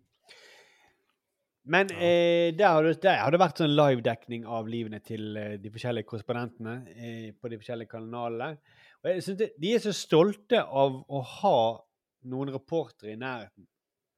Så VG hadde en overskrift 'Sjekk, VGs team må evakueres'. Eh, og på TV 2 så han Bernt eh, Kjærstad han sto på verandaen, og så pekte han mot noen eksplosjoner skikkelig langt borte. Bare liksom for å vise at eh, jeg kunne vært i fare hvis jeg hadde vært, hvis jeg hadde lyst til det. Så kunne jeg gått bort der og vært i fare. Men jeg er på den trygge verandaen min. Eh, så det har jeg brukt veldig mye tid på. Eh, og det er jo eh, Jeg følte ikke jeg ble så mye klokere av det. Eh, man, det. Det er jo egentlig nok å lese overskriftene.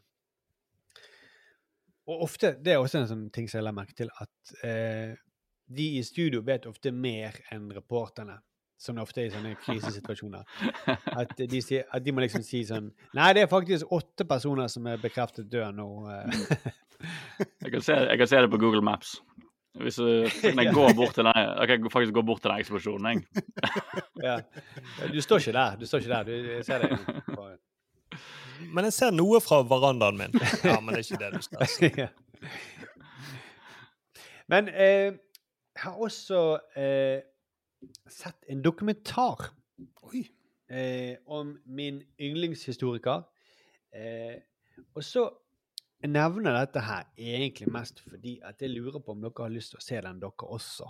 For, Oi. eh, for det er en dokumentar som er på YouTube om eh, en historiker som heter Eric Hobsbawm, en britisk historiker. Eric Hobsbawm, The Constellations of History. Og for meg så er det så utrolig digg å se en dokumentar som ikke skrur på alle knappene. At han Sånn at eh, Men så skjedde det noe dramatisk som endret livet hans for alltid. Og så får du liksom Mm. Det er ingenting sånt. Den bare forteller hva som skjedde, på en veldig sånn ryddig og grei måte. Fordi at historien i seg sjøl er så interessant eh, og dramatisk. Eh, og det syns jeg er så tilfredsstillende. Altså, han, han, han var en jøde. Han var 15 år eh, da han eh, og bodde i Berlin da Hitler kom til makten. Eh, og da ble han kommunist, for han, ikke, han var imot jødene. Og så flyktet han til Storbritannia, hvor han ble historiker. Skriver bøker som blir solgt i millioner av eksemplarer. Eh, men en veldig populær fyr. Men det blir jo, han er jo fremdeles en prominent eh, medlem av kommunistpartiet, og det blir mer og mer opplagt hva slags regime Sovjet er, da. Eh, Hva slags regime Sovjet er. Eh, og alle hans intellektuelle venner de melder seg ut av partiet, men han får seg ikke til å gjøre det. Og det er liksom veldig mye dokumentaren handler om hvorfor han ikke gidder å gjøre det. da. Eller hvorfor han ikke klarer å gjøre det, selv om han åpenbart ser at det, han, er jo, han er en veldig oppegående fyr. Han ser jo hva som skjer foregår i Sovjet. Men han har også skrevet noen helt sånn fantastiske eh, bøker. Blant annet eh, verdenshistorien i tre bind fra fransk revolusjon fram til i dag, som er liksom noen bestselgere. Uh, og han har skrevet han er, er veldig sånn artig historiefortelling. at han, han første tingen jeg leste av han var en sånn ting at han har lurt på hvorfor det er så mange skomakere som var, deltok aktivt i, i i revolusjoner.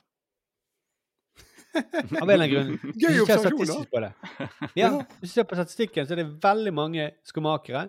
Neste på listen er skreddere. Og da bruker han mye tid på å kunne for, klare å forstå hvorfor er det sånn. Og det, eh, det han kommer fram til, var at eh, de eh, hadde så lett arbeidsverktøy at de kunne også bære med seg lesestoff når de var ute og gikk fra kunde til kunde. OK. De hadde plass til lesestoff og bøker i bagen. så som da en, sne som en smed ikke kan ha, da. Det er så vittig. Blant annet. Ja. Veldig sånne artige ting. Helt, er så eh, sånne artige observasjoner, artige måter å forklare ting på. Mm. Okay. Og det var litt fint. Da. De, de som hadde liksom eh, Det var de som å ha en iPhone da på den tiden, fordi de faktisk hadde tid til å, å lese og informere seg. Uh, mens alle andre bare var opptatt med å overleve og bære livet sitt, liksom. Ja. Jeg, jeg, jeg bruker det bare de fislete knivene. Jeg kan jo lese en bok mens jeg holder på. Er Og skreddere hadde også litt tilsvarende situasjoner. Og så var de også i i et fritt yrke, da, sånn at de, de var sin egen herre. De var, hadde ikke noen sjef. Eh, de hadde ikke noen som eide eiendommen deres, Mm. som sa at de måtte jobbe på jorden til denne Mm. tidspunktet. De, de kunne lese når de ville, og de kunne Det er veldig vittig. Og så var de veldig gode i karate. av en eller annen. Men det kommer vel også i kontakt med folk også. Hvis du er en skomaker eller en skredder, så kommer du helt inn i kontakt med folk Ja, òg. Det er også Mm. et, et poeng. Mm. Uh, men, uh, men iallfall ja, Hvis det hadde vært i dag, så hadde det vært uh, hvorfor er skomakere så gode i uh, Candy Crush? For det, det er litt.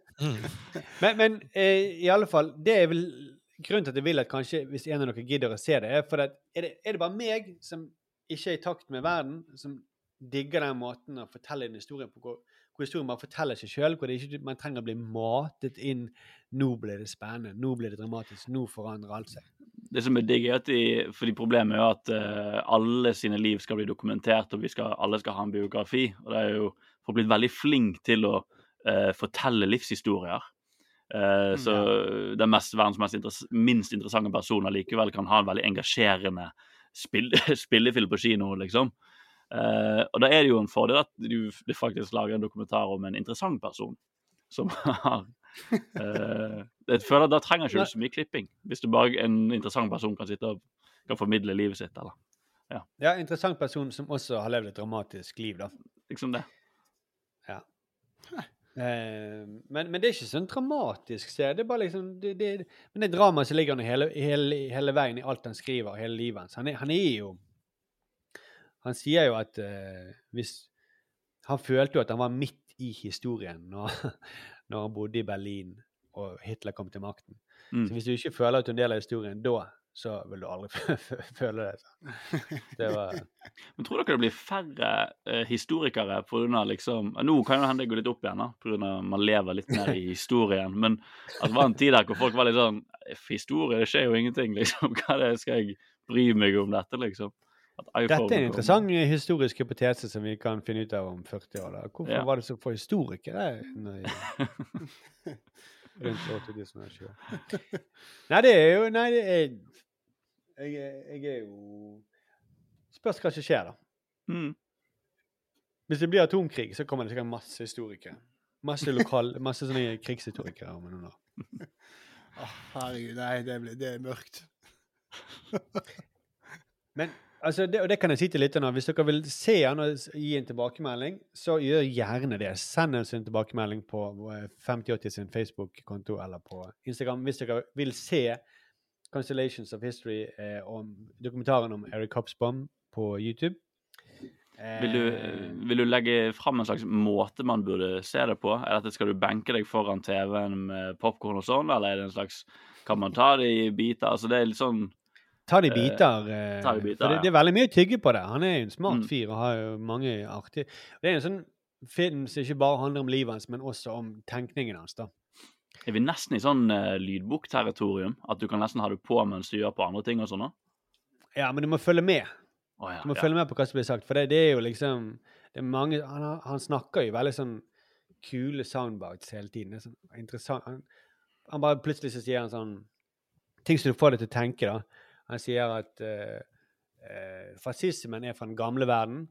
Kommunismen og kapitalism, eller og eh, de, libera, eh, liberalismen eh, er, kommer fra eh, opplysningstiden, så de snakker egentlig samme språk.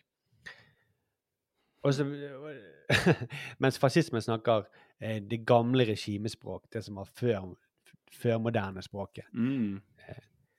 Det brutale maktspråket, på en måte. Ja. Og det, eh, altså bare, så er det videre en ny interessant ting. Men bare den seg sjøl kan du sitte og tenke på i ti minutter, da. Det er gjerne sånn jeg, det er med meg når jeg leser interessante bøker. og sånn, at Jeg kommer meg aldri gjennom dem, for jeg må stoppe opp. må tenke en uke. Bare, oh, wow, oi, oi. Det er derfor uh, mennesker er født med brede hofter. Faen, altså. Oi, oi, oi. OK, det må, jeg- det må jeg tenke på. Men, men altså, eh, for å være på et litt lavere nivå enn den samtalen her eller, eh, ellers, men jeg ble jo nesten sliten av å se The Queen på Netflix fordi at jeg måtte google alt og lese om det på Wikipedia. Så jeg bare sa, Det er jo helt sykt at dette har skjedd! Og så endte jeg opp med å lese alt sammen på Wikipedia. Så jeg fikk ikke mye Ja. glede av serien. Jeg lærte veldig mye om kongehuset i England. Mm. Så, Du er god på å navigere på Wikipedia, kanskje? Åh, der, der er jeg god. Ja, nei, ok, men Da sier jeg en utfordring til deg. da, Thomas, Se den filmen, og så se du, Den virket veldig gøy. Jeg- har ikke lyst til å se den. Ja, han er, han er Også- kanskje ikke veldig gøy. Det er kanskje bare meg som er en historienerd eh, som elsker han. Og så, Markus, vil- kanskje du Kanskje du quizer Thomas når han har sett den, og så se om han faktisk har fått med seg noe? Ja, det. Oi, det, det var litt for tilfredsstillende uh, reaksjon, Markus. Jeg skal faen se den. Skal memorere hele driten. Bare vent. Ja. Nei, det blir Ja, spennende. Det- lykke til.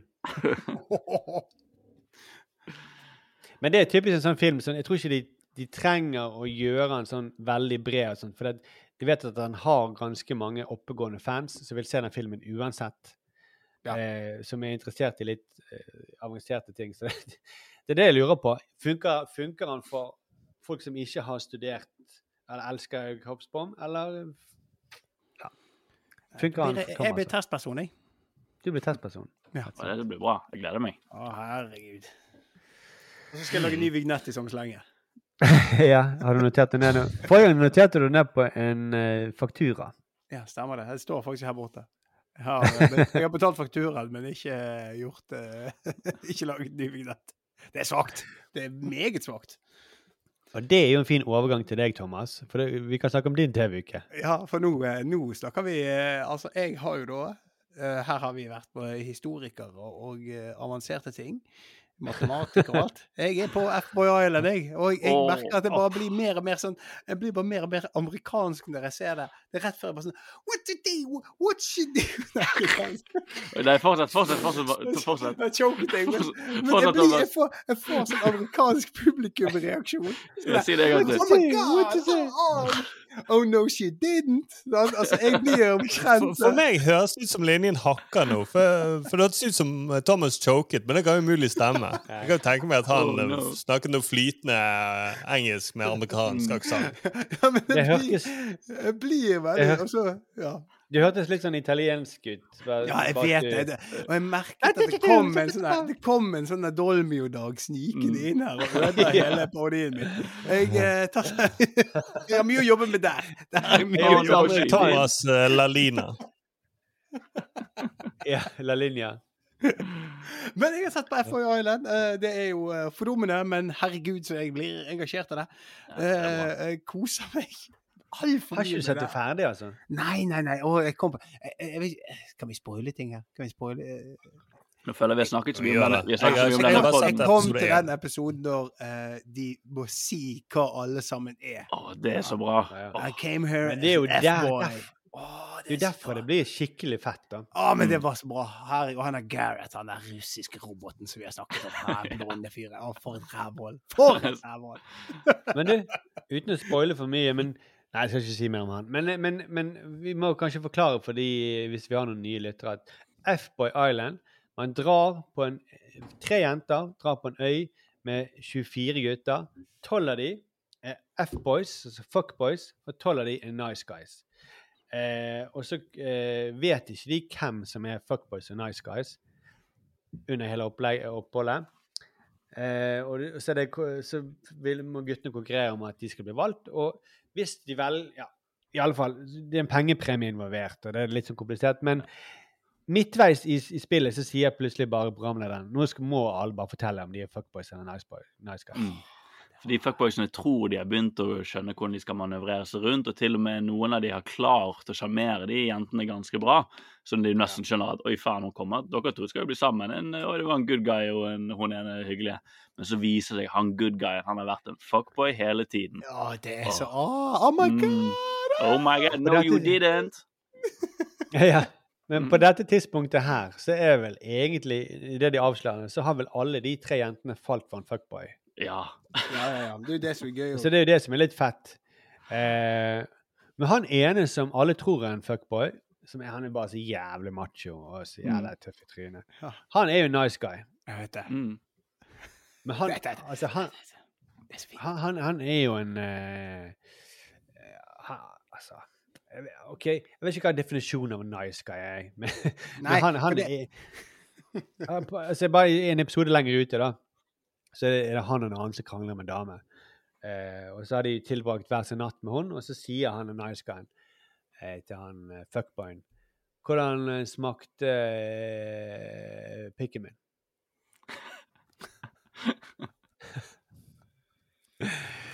Så jeg vet da faen. Er du nice guy, da? Du er jo, du er jo ja, du, Men det er det som skjer når nice guyene henger rundt fuckboysene for lenge. sant? Det er det, de, de begynner å måtte tøffe seg, og de begynner sånn Ja, men jeg er jo litt tøff i trynet, jeg også, da. Og så føles det så unaturlig når de prøver å være litt frekk i kjeften. ja. Mm. Nei, det, det, han- det er nydelig. Han kommer jo inn, han er bare så hardcore fra starten. Nesten Nesten det blir slåsskamp med en gang. Men han inn. tror jo du er en fuckboy når han kommer inn. Fordi Ja. han er så Han er jo så jævlig sånn oppi trynet på de og frekk i kjeften. Og så når han er, viser seg å være en nice guy, så blir du litt uh, overrasket. Men altså, jeg, når han var en nice guy, så tenkte jeg ja, du er en nice guy, men du en, i, denne, i denne settingen så er du bare en psykopat som puler lite. Det det han egentlig er. For dette, det virker jo helt riv ruskende gal. Så En eh, trofast, eh, trofast eh, psykopat. da. Mm. ja. Han er amerikansk fotballspiller, det er det han er. Han er. ja, stemmer det. Det sånn idrett Det står bare 'professional athlete'. Ja, men det Mm. kommer fram at han, det, det blir mye greier etter hvert at han, han er Så han er rik og han er Men jeg er glad å høre at du koser deg, Thomas. Altså, det var jo jeg som var dopdealeren som ga deg denne serien. Jeg vet det. Det er gøy. Føler du, at du, føler du mer og mer at du kunne overlevd på den øyen, eller? Uh, nei, nei, nei. Herregud. Jeg, jeg, jeg, jeg, hadde røkket ut med en gang. eh, og uh, jeg, jeg tror jeg hadde kost meg igjen av villen. Oi, der forsvant Sturle. Ja. Ja. Altså som vi må slutte å påpeke det når folk Ja. faller ut for nå skjer det hele, skjer hele tiden. Ja. Uh, nei, ellers så kan jeg uh, fortelle at jeg har sett på uh, Papirhuset. Kose meg videre med det. Kose meg videre med det. Og angående serier som bare går og går. Det er liksom bare et, det er et ran, og eh, nå er jeg eh, inne i sesong to. Og, men jeg synes det, jeg kan begynne å få litt sånn her, Jeg begynte å sette pris på kreativiteten sånn rent skrivemessig, for det holder spenningen så sinnssykt gående. Og så er det alltid en liten utvikling.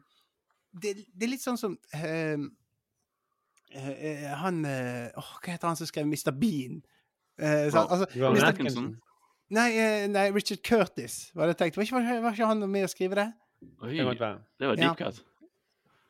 Det er ingen som vet, Thomas. Det er ingen, Jo, du jo, kan jo, ikke si jo. hvem skrev I Ja, should men have du, du, du, du du vet, Nå snakker vi om uh, britiske serier på 90-tallet. Ja, jeg vet. Jeg er på, jeg er på vann. Ja, men uansett, jeg så et intervju med han, og han snakket om hvordan de gjorde det sånn rent teknisk. og Så satt de liksom karakteren i en veldig enkel situasjon med et veldig enkelt problem, og så løste han det bare på en rar måte. Og det er på en måte papirhuset. Det er Mm. bare sånn Oi, her er et problem. Og så er det sånn, alltid sånn twist, så jeg tilfredsstiller sånn rent sånn kreativt. Så jeg blir veldig glad av serien. Altså, jeg koser meg koser meg og får mer og mer lyst til å rane store banker og trykke sedler. og Men altså, denne podkasten kan ikke fortsette lenge. Denne Nei, nei, jeg podcasten skal- kan ikke fortsette Nei, jeg- lenge hvis, hvis, hvis det er sånn at du bare sier 'Jeg har sett videre på uh, Fuck på Allen, så har jeg sett videre på Papirhus'. Ja, er ok. Ja. Nei, for nå kommer den neste jeg har sett på. Ja. Mm. Jeg har sett ferdig 16 uker ukers helvete. Det som skjedde når Thomas, fortsetter. når Thomas forsvant i sted og, og forsvant, så gjorde han en sånn Oceans Eleven hvor han bare tok videoopptak av forrige ukes podkast og begynte å spille det av i vår stream. Så vi snakker jo egentlig bare med forrige ukes Thomas igjen, og så klarer han av en grunn å time det perfekt. Det er ikke. Det er jo hver du, Ja, greit nok. jo, men jeg trodde det var det som skjedde. for Det falt ut noe nettopp. Det er noe feil med nettet. Og da følte jeg at det falt inn igjen i episode to. Thomas driver og snakker om Papirhuset som om det er første gang han har sett det. Ja, men jeg, jeg tar altså jeg, jeg tar litt selvkritikk, men det er veldig, det er veldig like TV-uker, merker jeg. Det Men jeg koser meg mye. Det, eh, men, ja, det er det viktigste. Ikke at uh, noen bra podkast. Men så lenge du koser deg, Thomas Det er rent i huset mitt. Jeg koser meg. Du, Jeg så Sophie's Choice fra denne podkasten, Thomas. Jeg så Sophie's Choice. Nå må Ja, nå, du må, nå skal jeg se litt historiker eh, Ja. på, eh, og bli quizet. Så nå og du jeg skal quize. Ja, det, det blir bra. du skal lage ny vignett. Du skal lage ny vignett. Baller seg er det du skal, det. jeg, ellers så har jeg et ønske, for jeg har også sett litt på Police Squad. Den ja. Leslie Nilsen-serien. Ja, herregud, så bra han er. Det er dødt. Herregud, så bra han er. Mm. Altså, det, det, det er bare en av de Det er så mange ordspill, og det er så mange avhørsscener. Og det var, det var en sånn scene der uh, Leslie Nilsen som spiller Han spiller jo Altså, han er jo en av de beste komiske skuespillerne noensinne, vil jeg si. Oi, dere ingen respons på den? Jo, jo, er- vi bare Men, men han begynte jo som dramatisk skuespiller. Ja, han gjorde Det det. Det var Airplane som var skiftet hans. Ja, ja. Så det Mitt forhold til For dette er Du sa politiskole, da tenkte jeg med en gang Politiskolen. Men det er jo ikke den Nei, nei, nei, nei det når han, han pol gamle politimannen og OJ Simpson? Er det der han også er med? Nei, ja, det er Ja, han kommer filmen. inn i filmen. Ja. Eh, 'Mannen med nakne pistol', som det heter på norsk av en merkelig grunn. Eh, men dette, dette er min hjemmebane, da. Det, jeg husker vel, Det var vel i din borsdagståle vi hadde leid den filmen, var ikke det? Jo, jo kan godt, jeg tror jeg har leid den i mange bursdager, for å si det sånn. Vi, vi så den i din bursdag. Mm. Eh, men iallfall Den filmene ble vi hektet på, men så seinere så sendte jo TV2 serien. Og jeg har sett det igjen i voksen alder mange ganger. Og serien som er originalen, på en måte, det som filmene springer ut av, Ah. de er, de er dritbra. Altså, det er, de, de er seks, seks episoder som ligger på YouTube. Ja, Det, det, det, helt, det, er så, det så ellevilt bra. Og det er så, Så mange eh, det, var en sånn der eh, avhørsscene der han skal møte en sånn hardbarka kriminell, og så sier han sånn der eh, Som ikke vil liksom dele informasjon hvis ikke han får penger. Og så gir han eh, altså, OK, her har du eh, 20 dollar, og jeg, kan, jeg, må, jeg trenger litt mer for å forklare tankene. Her er 20 dollar til. Og så, og så blir det da en Uh, eh, Og så spør han kriminelle ja, hvorfor lurer du på dette her. Nei, det kan jeg ikke si. og så begynner han uh, kriminell å betale. OK, 20 dollar for oss. Og så blir det sånn at de driver bare og bytter penger i samtalen. Det, er så- det er så utrolig teit. Og det er så Jeg, jeg elsker det. Jeg, Altså, det er sånn, jeg syns det, så- det er så tilfredsstillende å se på. Jeg syns det er så eh, morsomt og gøy og eh, jeg, jeg savner den klassiske crazy-komedien, nå. Eh, Jeg syns det er og Crazy er Ja. komedie, dette har vi snakket om før, gutter, men, men det, er jo en, det er jo en kategori som har forsvunnet helt. Ja. Det er Ja, aldri men nå lenger en film som Ja, jeg, jeg kan fortelle at grunnen til at jeg sjekket opp igjen Police Squad, er fordi at nå eh, er det eh, at han, eh, han som skriver Seth MacFarlane, har, eh, vil lage en ny Mann med den nakne pistolen. Med eh, Liam Neeson i hovedrollen. Oi, oi, oi. Og det, det, det gir meg bange anelser, for å si det rett ut. ja. Dette var sånn du så den Snipp og Snapp-traileren. Dette, Eh, ja, nei, dette faktisk, jeg syns faktisk dette er Jeg har bare mindre tro på det. Jeg håper De kan gjerne lage en crazy komedie, prøv det på det, men ikke gå inn i det fantastiske universet. Nei. Det er Seth, det- Seth MacFarlane, ja, altså Det er han som bak laget Family Guy. Ja. Mm. Ja, han som har alle stemmene i Family Guy. Og, Mm. ja. Tegner Family Guy. jeg tror kanskje jeg gjorde det originalt, faktisk. Men uansett, han er jo talentfull, åpenbart. Men jeg, jeg bare ikke Det får bare sånn Det er litt sånn mm, Det som er så bra med den Police Code liksom, og Airplane, det, det syns jeg er det beste de har laget. Og så blir det veldig slapt etter hvert. Og det, og det kommer jo I ettertid så er de, jo, de er jo republikanere, disse her eh, folka. De er jo veldig forskjellige fra andre komikere i Norge. mm, Sucker and, Sucker and Abraham eller noe sånt. Ja, ja. Eh, Det er to, to brødre og en til. Og så, eh, så noen av de, Han ene lagde en sånn komedie for, eh, som støtte til Irak-krigen. Så de er helt på Bush-siden, liksom. Nå støtter de Putin i den nyeste filmen sin. ja, men de er Men altså, de er Squad, det er Men jeg, jeg tror jo det, jeg har jo hørt det, jeg hører jo ofte det liksom en komiker av en viss type alder, da, si uh, Jeg savner så veldig de der Crazy-komediene og sånn. Og så er jeg veldig enig, fordi det er jo veldig unikt hvordan de slapp unna med sånn humor. Som, det var jo så barnslig, og det var så teit, og det var kreativt, veldig fantasifullt. Men de prøver jo fremdeles. Jeg husker de, de lagde jo sånn Fjols til fjells i Norge nettopp Ja. for noen år siden.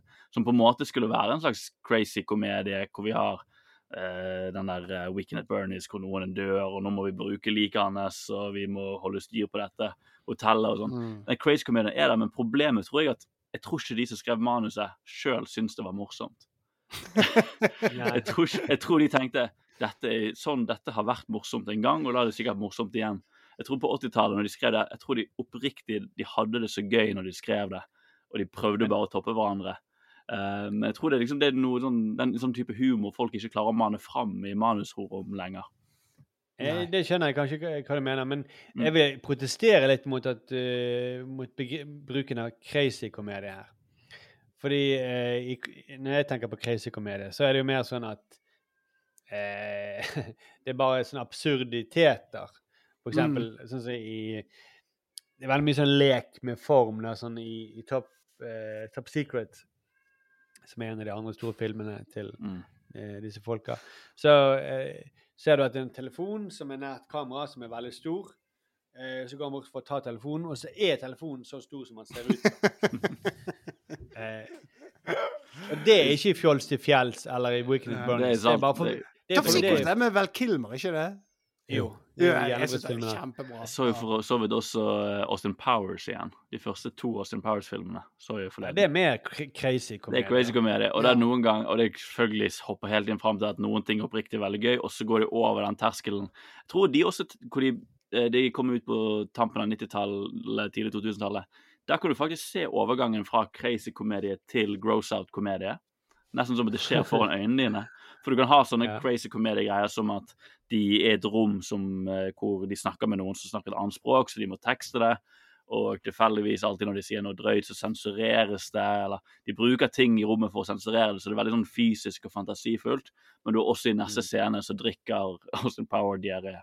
På en måte. Ja. Så du kan se den der overgangen til sånn 2000-tallssjangre hvor man bare skal være så ekkel og drøy, og det skal være American Pie. Fra Mm. Og da sier de ha det til Leslie Nilsen, og nå skal vi inn i dette her eh, kroppslige greiene.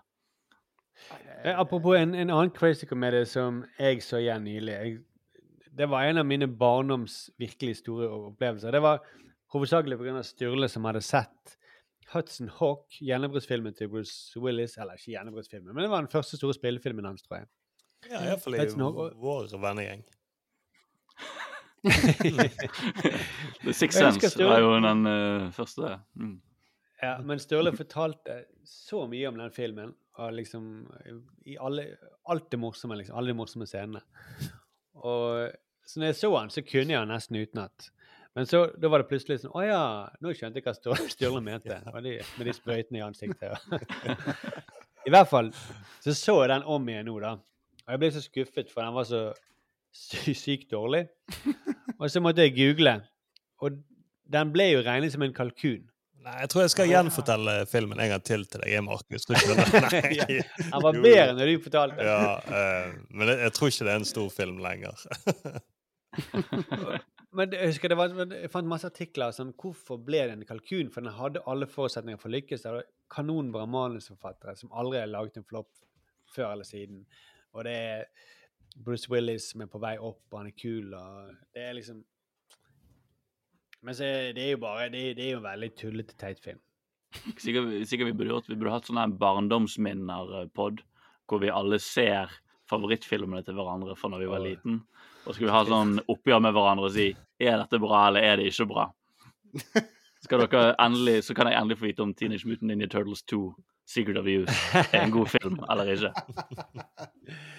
Fordi, ja, fordi jeg gjør jo ofte sånn. Jeg, eh, Mm. Top Secret så jeg om igjen. Det var min barndoms... Den er, kanskje den har jeg sett flest ganger i min barndom.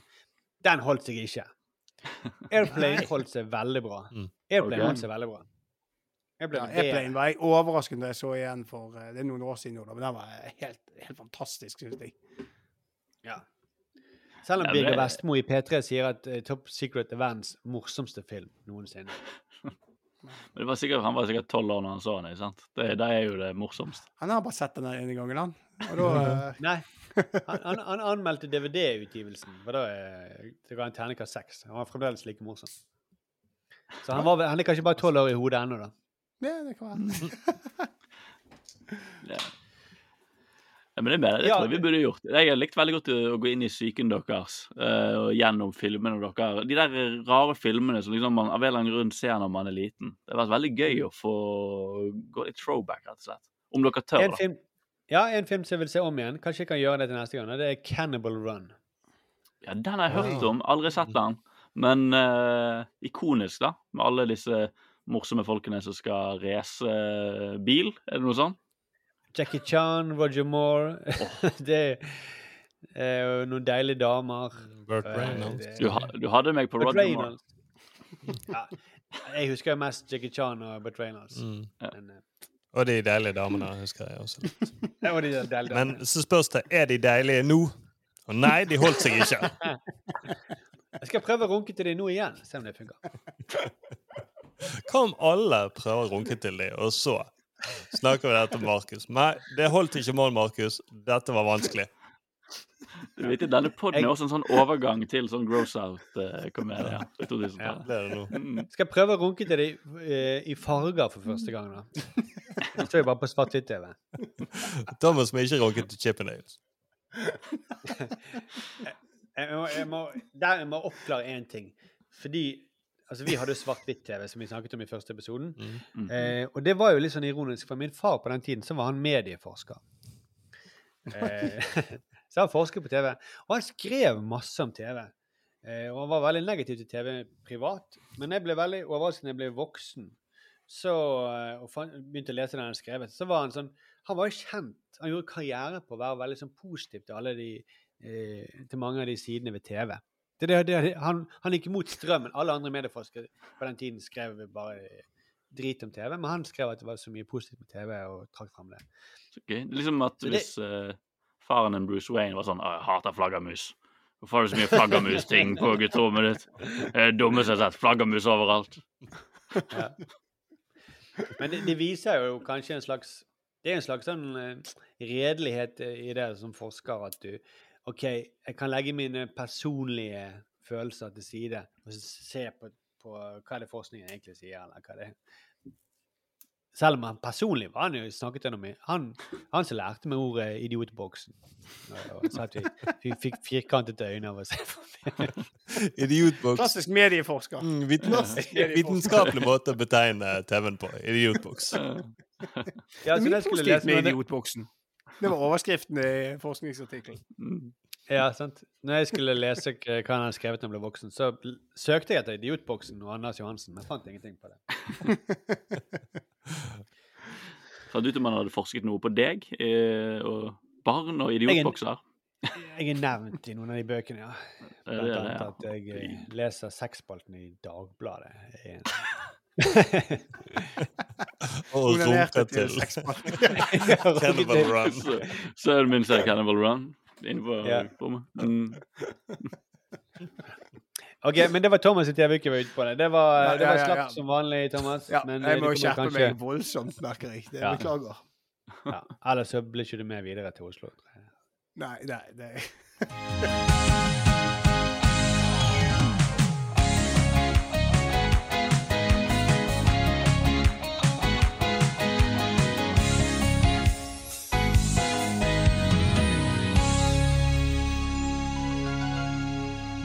må vi snakke om et tips som vi fikk fra Henning Østrem Rottvitt. For et flott navn. Og for et flott tips! Mm. Fra Kai. Åh, er det. Åh, det var nydelig. Har vi noen T-skjorter vi kan gi bort der? Noe merch? Kjøp deg en Cobra Kai-T-skjorte. Er det ingen eh, merch fra Terje Lydstudio du kan gi, eller noe sånt? Uh, jeg, jeg kan signere et bilde av meg sjøl og sende. Ja, men det skal være positivt. det gjør jeg. Jeg signerer bare, jeg signerer bare bilder av den pres ukrainske presidenten, og så sender jeg det. Ja, det kan du gjøre. det- Signer et bilde av han, og så send den til eh, Henning Østrem Rottvitt. Hvis han kan sende adressen sin på Du kan sende den på eh, digitalt òg, da. for så vidt. Nei, det, ja. Nei, nei, vi finner ut av det. Vi finner ut av det. Men eh, for et tips, ja. He- jeg eh, må si at eh, jeg koste meg skikkelig med den Ja. første episoden. Jeg syns det var ekstremt velgjort. Veldig gøy premiss. Nå vet jeg at jeg satt her og irriterte meg over Chippendales og den rebooten der, men her dette var originalt, altså. Det er Dette var en gøy måte å bare fortsette historien så mange år etterpå. Bra? Ja, vi må fortelle hvilken historie det er, da. Ja. Ja, det er jo fra Karate Kid. Sant? Det, er jo, det er jo rett og slett bare Hvor mange år etter blir det, da? Det er jo bare det er han fyren som taper kampen. Den, den store finalen i den første karatefilmen. Det er hans historie nå, så mange år etterpå. Og det er veldig, jeg, synes- jeg koser meg veldig over at denne finalen fremdeles gnager i hans Mm. liv. Og han som vant eh, Hva heter han? Lerosso? Daniel. Lerosso. Mm. Den er Ja. La Ja. Mm. Eh, han er jo så usympatisk og bilselger. Og jeg vet ikke, åh, jeg koste meg. Ja, det var liksom eh, For eh, jeg har jo egentlig ikke sett innså jeg har ikke sett Karate Kid. Jeg bare kjenner alle referansene og alle de viktigste scenene. Altså, jeg har alt inne, liksom. Men jeg, aldri, jeg tror ikke jeg har sett den. Så jeg var litt sånn Har egentlig ikke så mye følelser for den filmen. Samboeren min var kjempeforelsket i Danny da hun var liten, så hun var litt sånn Men var litt skeptisk, ikke sant? Fordi en reboot Hva er dette for noe? Skal de bare fortsette Karate Kid? Er ikke det litt rart? Men begge vi to, med de to helt forskjellige inngangene, var med fra starten av. Eh, fordi de virkelig Altså, de har gjort en god jobb, da. Rett og slett. Ja, fantastisk jobb. Mm. Og så må, må jeg innrømme at det det var et eller annet med det der eh, Jeg, jeg koste meg litt ekstra når jeg gikk liksom for meg Markus se dette og bli begeistret og begynne å leke Karate Kid igjen. Jeg, jeg, jeg tror at Jeg tror han gjør det nå etter hvert. Gjorde ikke du det når du var liten? Eh, Nei, ikke, på, ikke, ikke sånn at jeg, jeg gjorde ikke mine egne stunt, som Markus sa det så fint i forrige episode. Spilte ikke du inn film i hagen min, Thomas? Rett før du skulle på restauranten og skitne til buksen din? Men jeg, jeg kan si at det var jo grunnen til at jeg så den filmen veldig mange ganger. Fordi at jeg var så interessert i hvordan de gjorde st- stuntsene sine.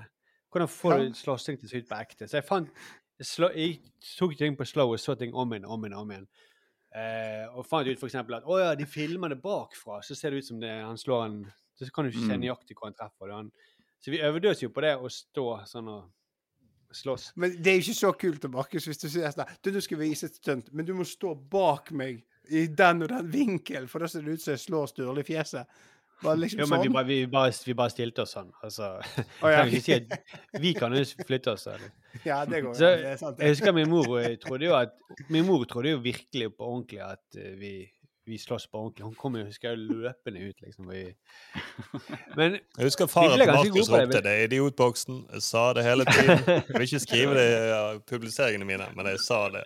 Det er vittig også. Jeg, apropos Turtles. Jeg, når du ser slåssing på film som liten, du har jo bare lyst til å slåss og banke opp folk og gjøre saltoer. Og Ja. vi ødela jo sofaen hjemme fordi vi hoppet, gjorde ninjaspark i den. liksom.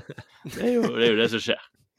Men jeg Men- Markus, Men jeg må bare si jeg, jeg, ja, jeg, har sett, jeg må si at jeg har jo sett den siste Det sparket der. Siste sparket i den siste finalen. Så jeg har sett så mange ganger i slow motion. Og han tar faktisk foten nedi. Ja, han gjør det. Han gjør det, for det er liksom Det er det eh, det er jo det som er greia. Han er skadet i foten, så han står på én fot, og så hopper han opp, og så sparker han med den friske foten, og så lander han på den friske foten igjen. Liksom. Men Ja. hvis du spoler, hvis du gjør det sakte, så ser du at han er så vidt nedi med den skadede foten. Og det er, ulov, er det ulovlig i karate, eller er det bare det at han Nei, det er bare at eh, ja. Nei, men det er bare at det, det, det, i, I filmens uh, I handlingen i filmen så lander han liksom bare på den samme foten igjen. Ja, det bygger vel litt syns er en veldig gøy side av deg. Jeg synes dette er en veldig gøy side av deg, Markus. Det er en, eh, en sånn stuntmann. Det er Medieforskerens sønn. Ja. Men de bygger det opp også, Um, for han står jo på en påle. Gjør ikke han det da tidligere i filmen? Jo da, jo da. Ja, jo da. Og der ville hun aldri kunne trakket ned i luften med den skadete foten. Da ville hun ramlet av pålen. Mm, så det er bra observert, Markus. rett og slett. Men ja, eh, Markus, men hvordan oppleves Kobra Kai for deg nå? Altså du som har vært eh, av oss kanskje den største fan her. Av karate Nei, nei. altså. Ja, jeg, var, kanskje, jeg er kanskje den største fan. Eh, Ja. Nei, jeg syns jo at eh, Jeg syns det var helt fantastisk. Og det, det minner meg litt Vi snakket om Austin Powers i sted, men de der avstikkene de gjør i, i Austin Powers hvor de har eh, Austin Powers går inn og så skyter han bare masse vakter. Og så plutselig så får du eh, klipp, klipper de liksom til eh, de pårørende til den ene vakten som faller ut og blir spist av sånne muterte hav, havabborer. Mm. Eh, for det, det, det er litt det de på en måte føler de gjør. at vi- vi så vant, Arild sa jo sist uke at han syntes det var så digg å se onde mennesker være skikkelig onde. Mm. Men her eh, tar de plutselig en avstikker. Altså, men hva, disse onde menneskene er jo også mennesker. Ja. Men, Ja. men det som er så smart, da, er at han fortsetter De har ikke tenkt sånn Og nå gjør vi han som var kjip i filmen, vi gjør han om til en skikkelig helt. Og nå skal vi vise at han faktisk er ganske grei. De fortsetter å gjøre han kjip. Han er fremdeles en kjip fyr. Han, han er blitt en han er, Det var bare på 80-tallet, det var ikke sånne antihelter. Det var ikke interessant i det hele tatt. Nå er vi i Breaking Bad, Sopranos-verden. Da kan han få lov til å være en helt lik figur. Og være dritengasjerende og morsom. Han er jo morsomst av alle i denne serien, fordi han har ikke forandret seg siden 80-tallet. Han er helt lik. Han, lever, han hører på puddelrocken, han går med de samme klærne, kjører gammel bil, lever i fortiden og har dårlige holdninger, rasistisk og alt det der. Og det blir så morsomt, for han har bare ikke kommet seg videre i livet, liksom. Det er så utrolig bra at de gjør det på den måten. Men det er jo ja, det er sånn fantastisk at det er de samme skuespillerne òg. De har liksom ikke rebootet det. Det er faktisk eh, Jeg måtte sjekke hvor gammel er han nå, liksom. Han er født i 1952 eller noe sånt. Han er ganske gammel. Og det er bare så Men- gøy. Men for jeg som jeg, jeg har vært, sittet i mange sånn manusskriverom, og der, der er det jo alltid sånne ting man sier at ja, men han må ha noen for, Hovedpersonene de må ha noen forsonende trekk også, sånn at vi skal like dem. Eh, for, folk som gidder liksom ident- identifisere seg Mm. med det og følge med på dem. Ja. Og dette her, dette her er eksempelet som motbeviser det. Ja. Eh, og det husker jeg Karsten Fullu, en, en eh, stor sånn manusforfatter, en av de beste manusforfatterne i Norge. Han sa det Nei, hvis det, hvis, det er ikke sånn. Hvis det handler om han, så følger du med på han. Mm. Det må, Mm. må være interessant. Ja. Det er det som er egentlig Mm. Ja. Det sånn, ja, han, han, det han her ja. er jo bare en Det handler om han. Han er en kjiping, men du heier likevel på han. Mm. Det eneste han gjør, da, teknisk sett, da, hvis man skal være sånn manusterminologi, at han redder katten, som det heter. Som er den greien at nå, scene, ja. ja, han, Ja. han, uh, han uh, gjør noe heltedådig. Han, han, eh, han, han hjelper han her gutten som blir mobbet. Det, det er det eneste, men det er jo også, de gjør det også til en gråsoneting. For han, egentlig er han sur fordi at de kaster han gutten som blir mobbet, bort til bilen hans. Og så liker han, liker han bare å banke opp folk også. Så det er liksom ikke det at han gjør det han, prøver, ingen, han har egentlig ikke lyst til å redde han, han bryr seg ikke om at han har reddet han. Når han først får muligheten til å banke opp en haug med drittunger, så gjør han det med glede også, liksom. Eh, så det er, de klarer likevel å vise at han, han gjør noe riktig, men det er liksom ikke fordi han er en god person. så det Men Hvor, langt, hvor langt ja. har dere sett, eh, forresten? Nei, altså, jeg fikk bare sett første episoden, og så var jeg sånn eh. Dette her eh, dette, Neste uke når du spør Ja, hva har du sett denne uken, Thomas? Så er det Papirhuset, og så er det 16 uker selv. Det er jo ferdig. Og da er det Å, Cobra Kai. Det kommer til å bli sånn lenge nå, og det kan jeg bare forberede alle på. Altså, Nei, det her, det skal jeg se videre på. Det var. Og, og, du, og du skal se dokumentar om Eukop. Ja, herregud, ja, ja. Og lage vignett. Ja, også også Fuckboy Island, som vi må jo sette. Altså, Mm. Nei, vi slukte jo Jeg tror vi vi kom sånn, gjennom tre eller fire episoder ganske kjapt. For det er jo så deilig. Det er jo bare 20 minutter, halvtimes episoder også. Eh, så vi, vi kom oss litt dypt inn i det. Og jeg må bare si, da Fortsette på nerdesporet, fordi det er så deilig når man ser sånn bra lagde ting. Men den første episoden er så bra komponert, som en, Ja. eh, måten den eh, etablerer universet og figurene og måten scene, Hver eneste scene fortsetter inn i en ny scene, og du, det som skjer, skjer på grunn av det som skjedde i forrige scene. Alle figurene som du skal bli kjent med dette universet, etableres på en ekstremt organisk og deilig måte. Og alt skjer. Det viser liksom at du er, vi følger han her hovedpersonen fordi han av en eller annen grunn har klart å tiltrekke seg alle disse andre interessante menneskene rundt seg. Og Mm. du vet at vi skal også lære mer om deres liv. Og han er den motvillige helten som av en eller annen grunn har klart å ende opp i senteret. da. Og det er derfor vi går inn i hans verden, inn i hans historie, selv om han ikke har noe behov for å være helten i denne historien. Men han blir på en måte presset til å bli en good guy. Og eh, jeg har sett fire episoder, og da begynner han å vise noen good guy-tendenser. Men det, Mm. det tok sykt lang tid, da. Mm. Men jeg synes det var en sånn nydelig sånn der 80-tallshommage der på det der eh, når han eh, kjører bilen sin på kvelden og eh, drikker og er bare liksom eh, Hører på puddelrock, og så har han sånne flashbacks til denne kampen. Og det er så sykt sånn Hele den, filmatiske teknikken der er så utrolig 80-talls, og det passer så godt med at Mm. de gjør en sånn scene til en 80-tallsfilm. At jeg bare sånn Å, det syns jeg var så smart, da. Og så, er for det er så teit i utgangspunktet, men i denne, i denne serien her så var det perfekt. Perfekt.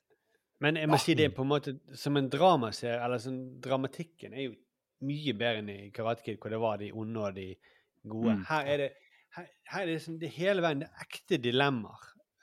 Ja. hele Mm. veien. Det, øh, det blir bare mer og mer, flere av de. Eh, sånn at eh, Og så bygger de det så sykt opp. Det er så mange tråder. Du bare skjønner Oi, helvete, her kan de holde på en stund.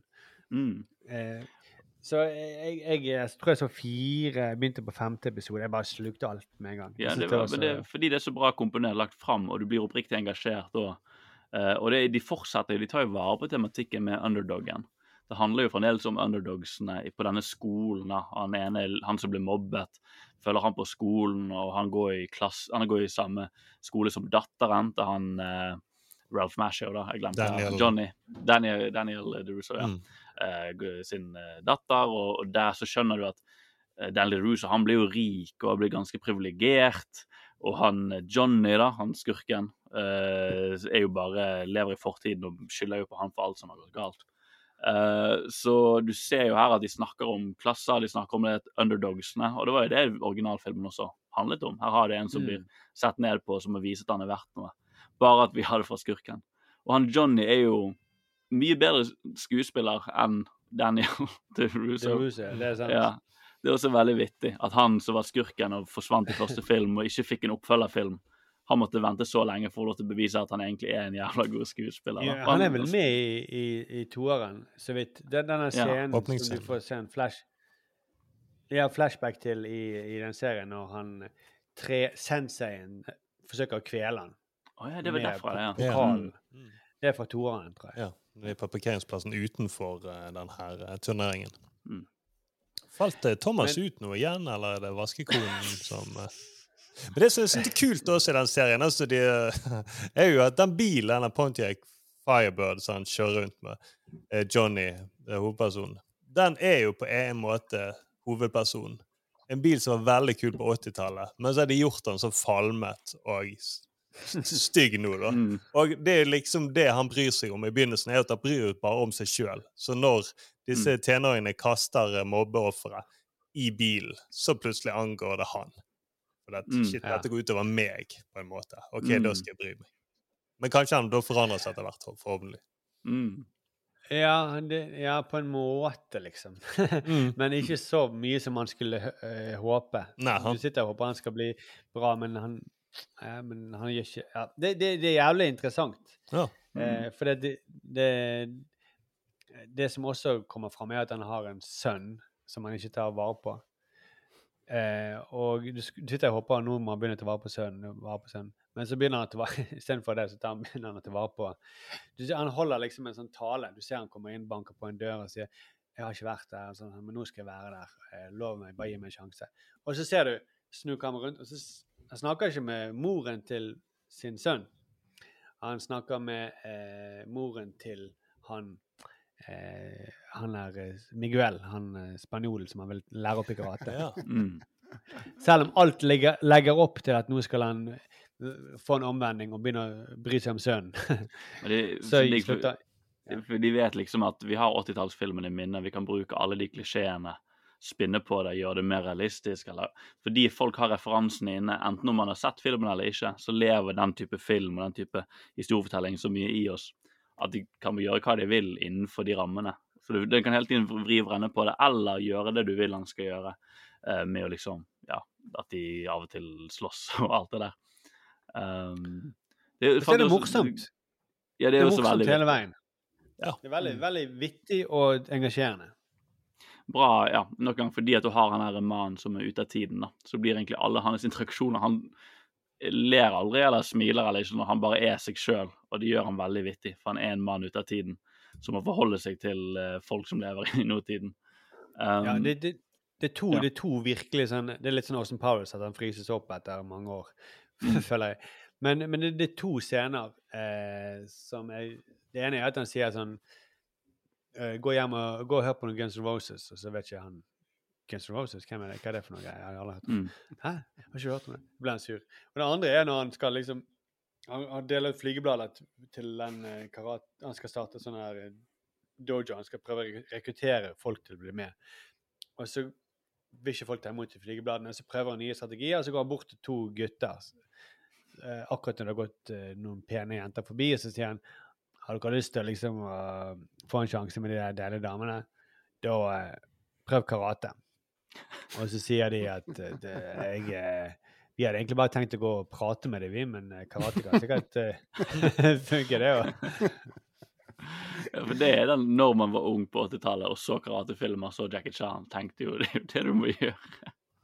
Gjøre noen Ja. judospark og sånn. Det var to ting bare sånn i forhold til bakgrunnen til denne serien da, som jeg kom på. Det ene er jo at den, jeg tror så vidt jeg husker at denne serien begynte som en YouTube-serie. Mm. Ja.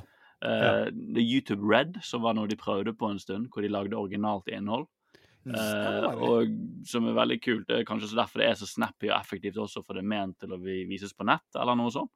Um, og det andre, som er sånne ting som uh, Selve observasjonen med at han her er Johnny da, egentlig kanskje er en helt uh, i dette filmuniverset, det er jo en running joke i How I Met Your Mother, den eh, sitcomen.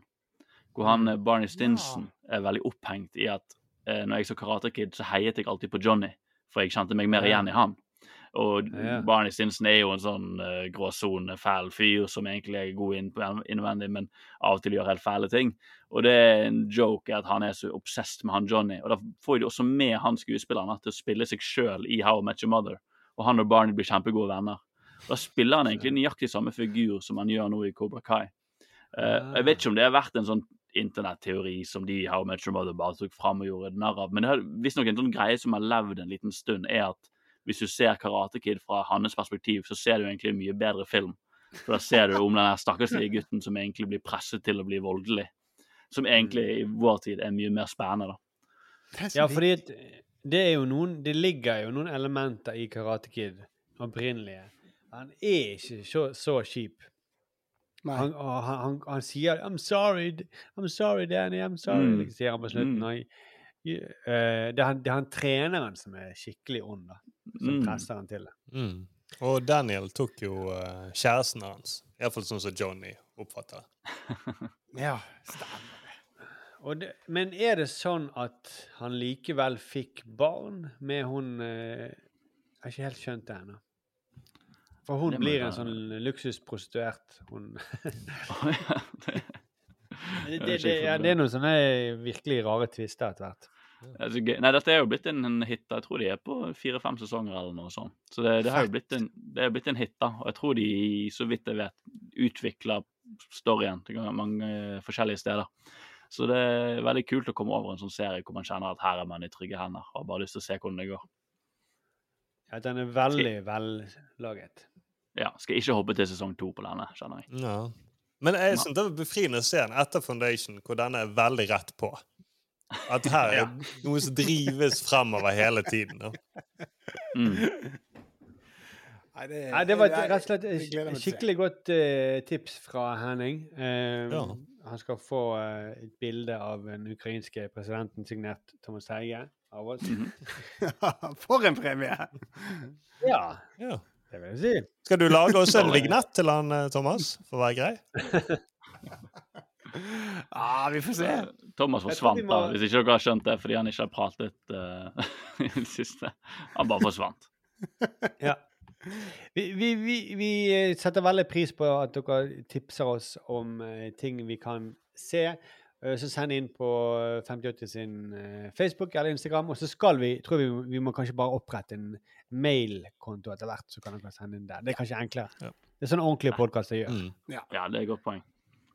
Ja. Jeg, jeg føler eh, jeg kommer iallfall til å se Kobra Kai videre. Ja. Jeg så fire episoder bare i dag. Jeg begynte i morgen Mm. tidlig, i, mor i morges klokken syv. Så Hvis det er noen som Eh, ser eh, ute på Hasla at meg og Markus gjør litt sånn karateting, så vet dere hvorfor. Og så ser dere at det er min far som filmer. Da skjønner dere at vi er allerede i gang med sesong to. Og jeg håper Den vil jeg se. Den vil jeg se. Men det, det, det, det, det er et talent jeg har, Thomas, som jeg aldri har vist. Men jeg, jeg, kan, jeg kan få det til å se ut som en ekte slåsskamp. Nei, vet du hva, dette, dette her det, det, det, det, det, er ingenting jeg ønsker mer til bursdagen enn det, denne filmen her, altså. Ja, ja, meg og min bror, vi, vi kan lage det. Vi, Ja, vi er bare eksperter på det. Vær så snill. Både jul og Det det, det, det alle, alle ønsker. OK, vi må avrunde. Eh, men eh, helt til slutt, hva skal dere ikke se i neste TV-uke? Nei, eh, Melodi Grand Prix junior-finalen fra 2002, kanskje? Jeg tror ikke jeg gjør, gjør, på- du, Arild, du gjør liksom narr av denne avslutningen. Den geniale måten å avslutte på. Jeg kommer ikke på at jeg, jeg ser ikke på ting jeg ikke vil se. Men det er jo masse rart eh, fra fortiden da, som jeg ikke vil se. Nei, jeg, kommer ikke til å se Kompani Lauritzen. Jeg føler det er litt sånn bismak å se den type ting nå. Iallfall med ditt utseende, så er det litt sånn At du som Ukrainas president skal drive og se på krig som Ja, annen. ja, og kose meg med det. Nei, det, nei, det kommer jeg ikke til å se. Også, ellers hadde jeg sagt Farmen. Da. Men så føler jeg kanskje jeg må si alle seriene jeg pleier å si, bare for å uh, komme med bedre innhold til podkasten neste uke. Altså, Men ikke skal se med- med- Papirhuset og sånt. Men blir du, tror, tror du at du hadde blitt oppriktig støtt av å se Kompani, Kompani Lauritzen? Tror du Nei, du det tenkt tror på det? ikke. Nei, jeg tror jeg bare føler det er bare sånn der Det er bare så fjollete. Jeg har aldri sett det heller. Så det er liksom Jeg tror ikke noen blir krenket av det. Eller noen blir krenket av alt, da, men jeg Altså, for å si det sånn, vi, vi, vi laget en vits uh, som vi la ut i dag om at uh, liksom, vi er der det skjer, vi er midt i drama. Vår uh, reporter ble evakuert eh, etter at han skjøt ned eh, ukrainske fly. Så, eh, for det, det var så mange saker om at vi, vi er der det skjer, vi ble evakuert. Bla, bla, bla. Og folk, folk eh, reagerte jo ekstremt sterkt på «Å, dette er usmakelig og smakløst. Og. Så det er kanskje en, en, en eh, holdning i folket, da. Ja, for å si sånn, Hvis det er en tid folk skal bli krenket på dilleverhetsen, Lauritzen, så er tiden inne. Da er det nå, liksom. Da, er- da er dette din mulighet du krenker deg sjel. Da lar vi det være siste ord. Det var. OK. Ja. Eh, Skål, da. Og så fortsatt god vinterferie eh, til dere som har det. Hva vi skal se? Har vi snakket, ja, jeg har falt ut litt, men har vi snakket om hva vi skal se neste uke? Det, det var veldig bra du sa. Ja, Og jeg følte det var noe som manglet. Det var derfor jeg liksom ikke helt eh, Du avsluttet. lette etter en Vi slutt. skal ja, for det er feil at det er liksom Thomas som avslutter dette. For det er ikke det er riktig. Det, det blir feil. Ja. Det blir helt feil. Petter Aksel Døvik. Han har sendt inn et tips om at vi må se en, eh, en dokumentar som heter 'Winter Is Coming' eh, på Netflix. Som handler om Ukraina. Oi, oi, oi. Ja. Eh, rett og slett i 2014. Nei, 'Winter Is Coming'. 'Winter on Fire' heter den. ja, det var Game of Thrones. Jeg trodde det var en referanse til Game of Thrones. Så Ja, det tenkte jeg det òg. føles jo Putin ligner jo litt på en av de her uh, White Walkers. Det var veldig trendy i 2014. Mm. Ja. Jeg mener, det, det er en eh, veldig kul dokumentar som uh, kan belyse Det Den kan vi se. Ja. Mm -hmm. uh, andre forslag? Eh, jo, jeg lurte på om vi skulle Fordi det skjer så mye eh, i nyhetene, og det er så mye på gang, så lurte jeg på om vi skulle prøvd å se en episode av uh, morgendagens episode av Saturday Night Live. Oi. Som er Ja. Mm. live humorprogram. De lager jo, mens vi prater nå, så driver jo de lager et humorprogram som de skal presentere live. Som de har gjort i hva blir det, 45 år eller noe sånt Ja. uh, i USA. Eh, og det er alltid litt gøy når det skjer aktuelle ting, å følge med på det og se hvordan de har valgt å kommentere det. For de har jo så dårlig tid, og det er jo ikke alltid det blir bra, men det er alltid gøy å se hvordan de prøver å løse, løse humor på sånne dramatiske Mm. ting. ja. Mm. Ok. Det er to Da blir det Ukraina spesial neste gang, da. Blir det? Ukraina pluss Papirhuset og Da burde jo vi ja, sett si den der eh, håper det varer en uke til, så vi kan Det skal jeg ikke si. Det skal jeg ikke si. Men vi burde jo da sett den der serien til han ukrainske presidenten, den han spilte i før han ble president. Jeg vet ikke om den finnes Med, med tekst eh, eller Ja, hvor den sikkert. skal være. Ja, det, eh, Jeg har sett eh, ganske mye av den. ja, Eh, jeg gjorde research i boken min om hva er humor. Ja, Så det er ser ganske mye av de greiene. Ja, det er sånn Det er jo veldig, det er jo veldig sånn østeuropeisk humor, da. Men det er ganske smart, men veldig sånn med bred pensel. ja. ja, men det er, jeg vet ikke om det er tilgjengelig noe sted, men det har vært interessant å se nå. Det ligger iallfall masse scener på YouTube Ja. som er tekstet. Kanskje det er det jeg skal komme med sånn Ja, hva har du sagt på denne uken, Thomas? Jo, vet du hva, så kanskje jeg kan framstå litt intellektuell i denne podkasten. Men du skal, se, du skal, du skal jo se en i Så skal jeg lage vignett. Jeg har jo så mye å gjøre. Jeg har så Mm. mye Ja. å gjøre. Ja. Ja. OK, du må legge det an. Vi og, Ja. eh, nå eh, snakkes vi om en uke, da. Vi har, kan jeg bare si, eh, vi har vært så mye tekniske glipper i denne poden. Jeg må bare dele at de siste 15 minuttene så har jeg hatt en bug hvor jeg ikke hører Thomas. Jeg trodde han seriøst han var forsvunnet helt fra poden, for jeg ser ikke noe bilde av han, jeg ser ingenting. Jeg trodde det var noen tekniske problemer, han forsvant. Jeg Jeg sa jo til og med det, Thomas har forsvunnet. Ja. Og så så jeg plutselig at den lille lydkilden til Thomas går jo opp og ned her på streamen. Og så tenkte jeg herregud, Thomas er jo her. Så jeg har ikke hørt et ord Thomas har sagt Nei, men- de siste 15 minuttene. Så beklager hvis jeg har snakket over deg, Thomas. Jeg hører deg ikke. Beklager.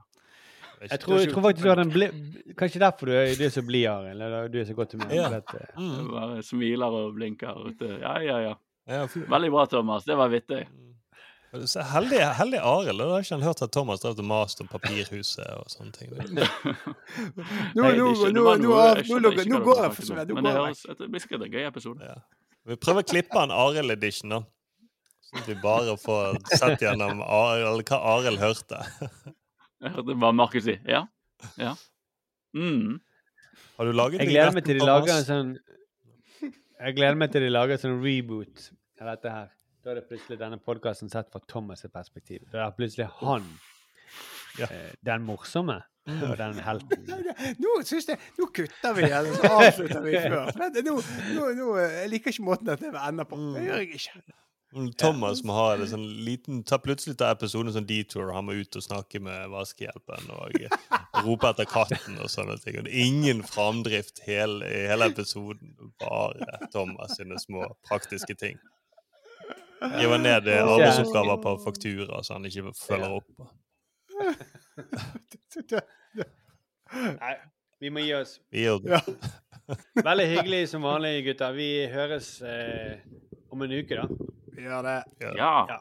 Da håper jeg hører også. Ha det bra.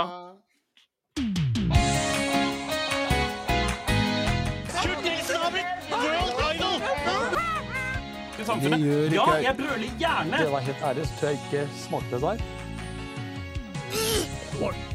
Jeg er jo egentlig en ganske flatbrystet pike. Oh yeah? Well, I love you too. Det ser jo ut som en løgn. Er Kjersti, sånn snakker vi ikke. One small step for